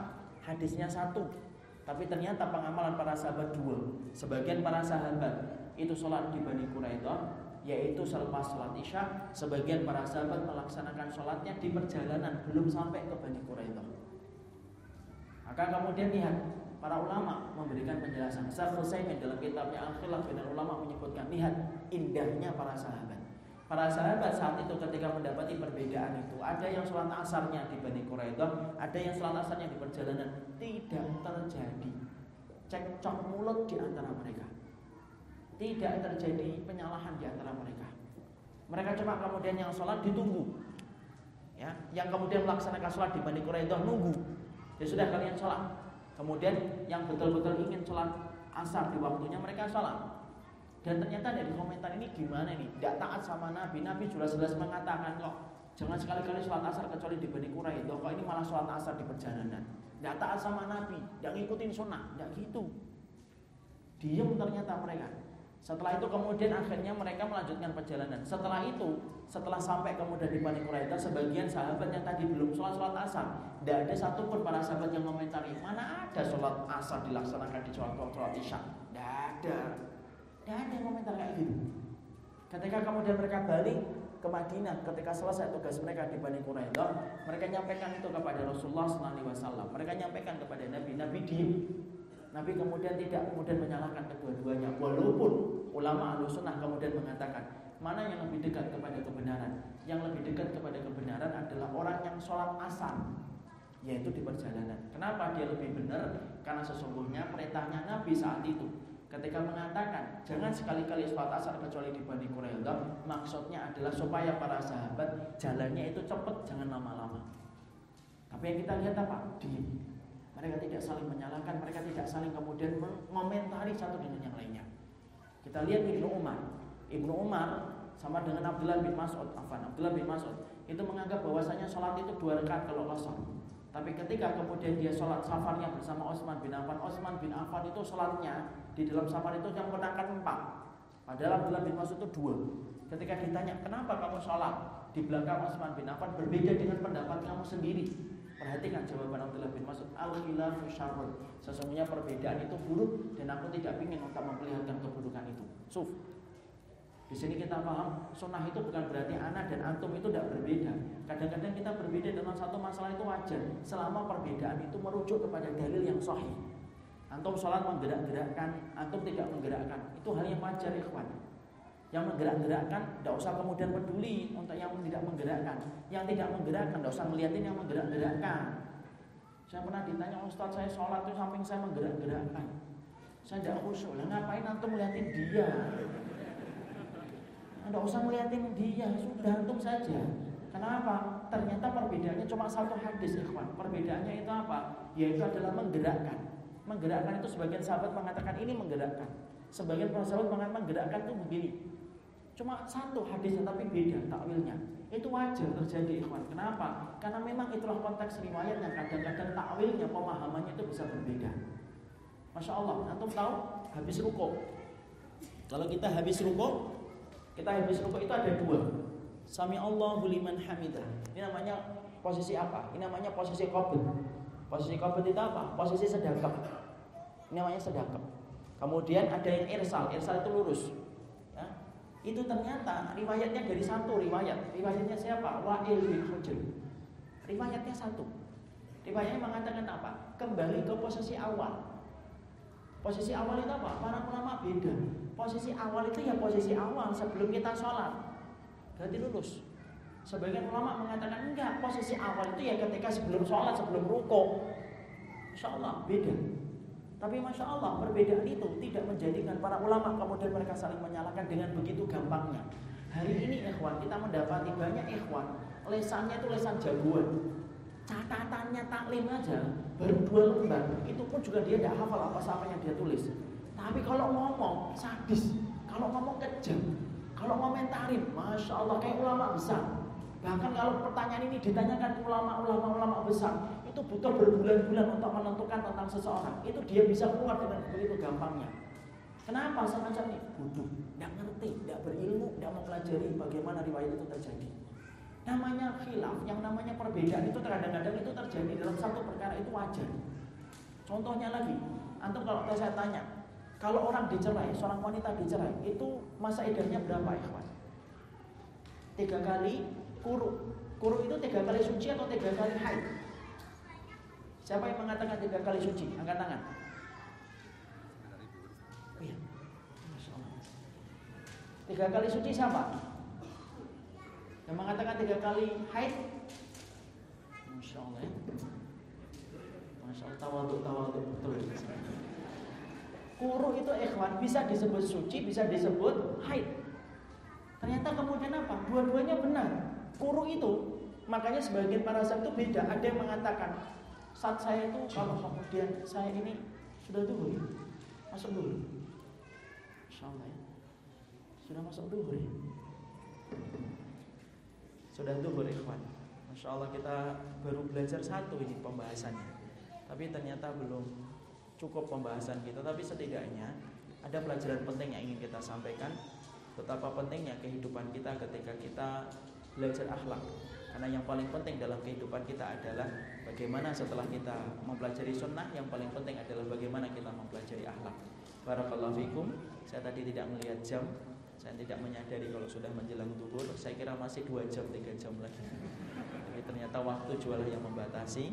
Saya sebenarnya memberikan hadiah, tapi ternyata waktu yang tidak memungkinkan kita cukupkan. Tapi yang paling penting kalau saya ditanya apa intinya pelajaran hari ini, belajarlah bagaimana setelah kita mempelajari sunnah belajarlah bagaimana akhlak yang benar. Akhlak itu ada tiga. Satu, jagalah diri antum supaya tidak mendolimi orang. Dua, gampanglah membantu orang lain. Dan yang ketiga, sabar ketika didolimi oleh orang lain. Barakallahu fikum ini yang dapat kita sampaikan. Semoga Allah memberikan keberkahan atas apa yang kita pelajari. Semoga anak dan antum menjadi delegasi sunnah yang memperlihatkan akhlak yang baik.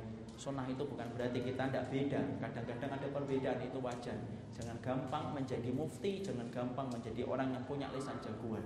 Barakallahu fikum subhanakallahumma wa bihamdika asyhadu an la ilaha illa anta astaghfiruka wa atubu ilaik.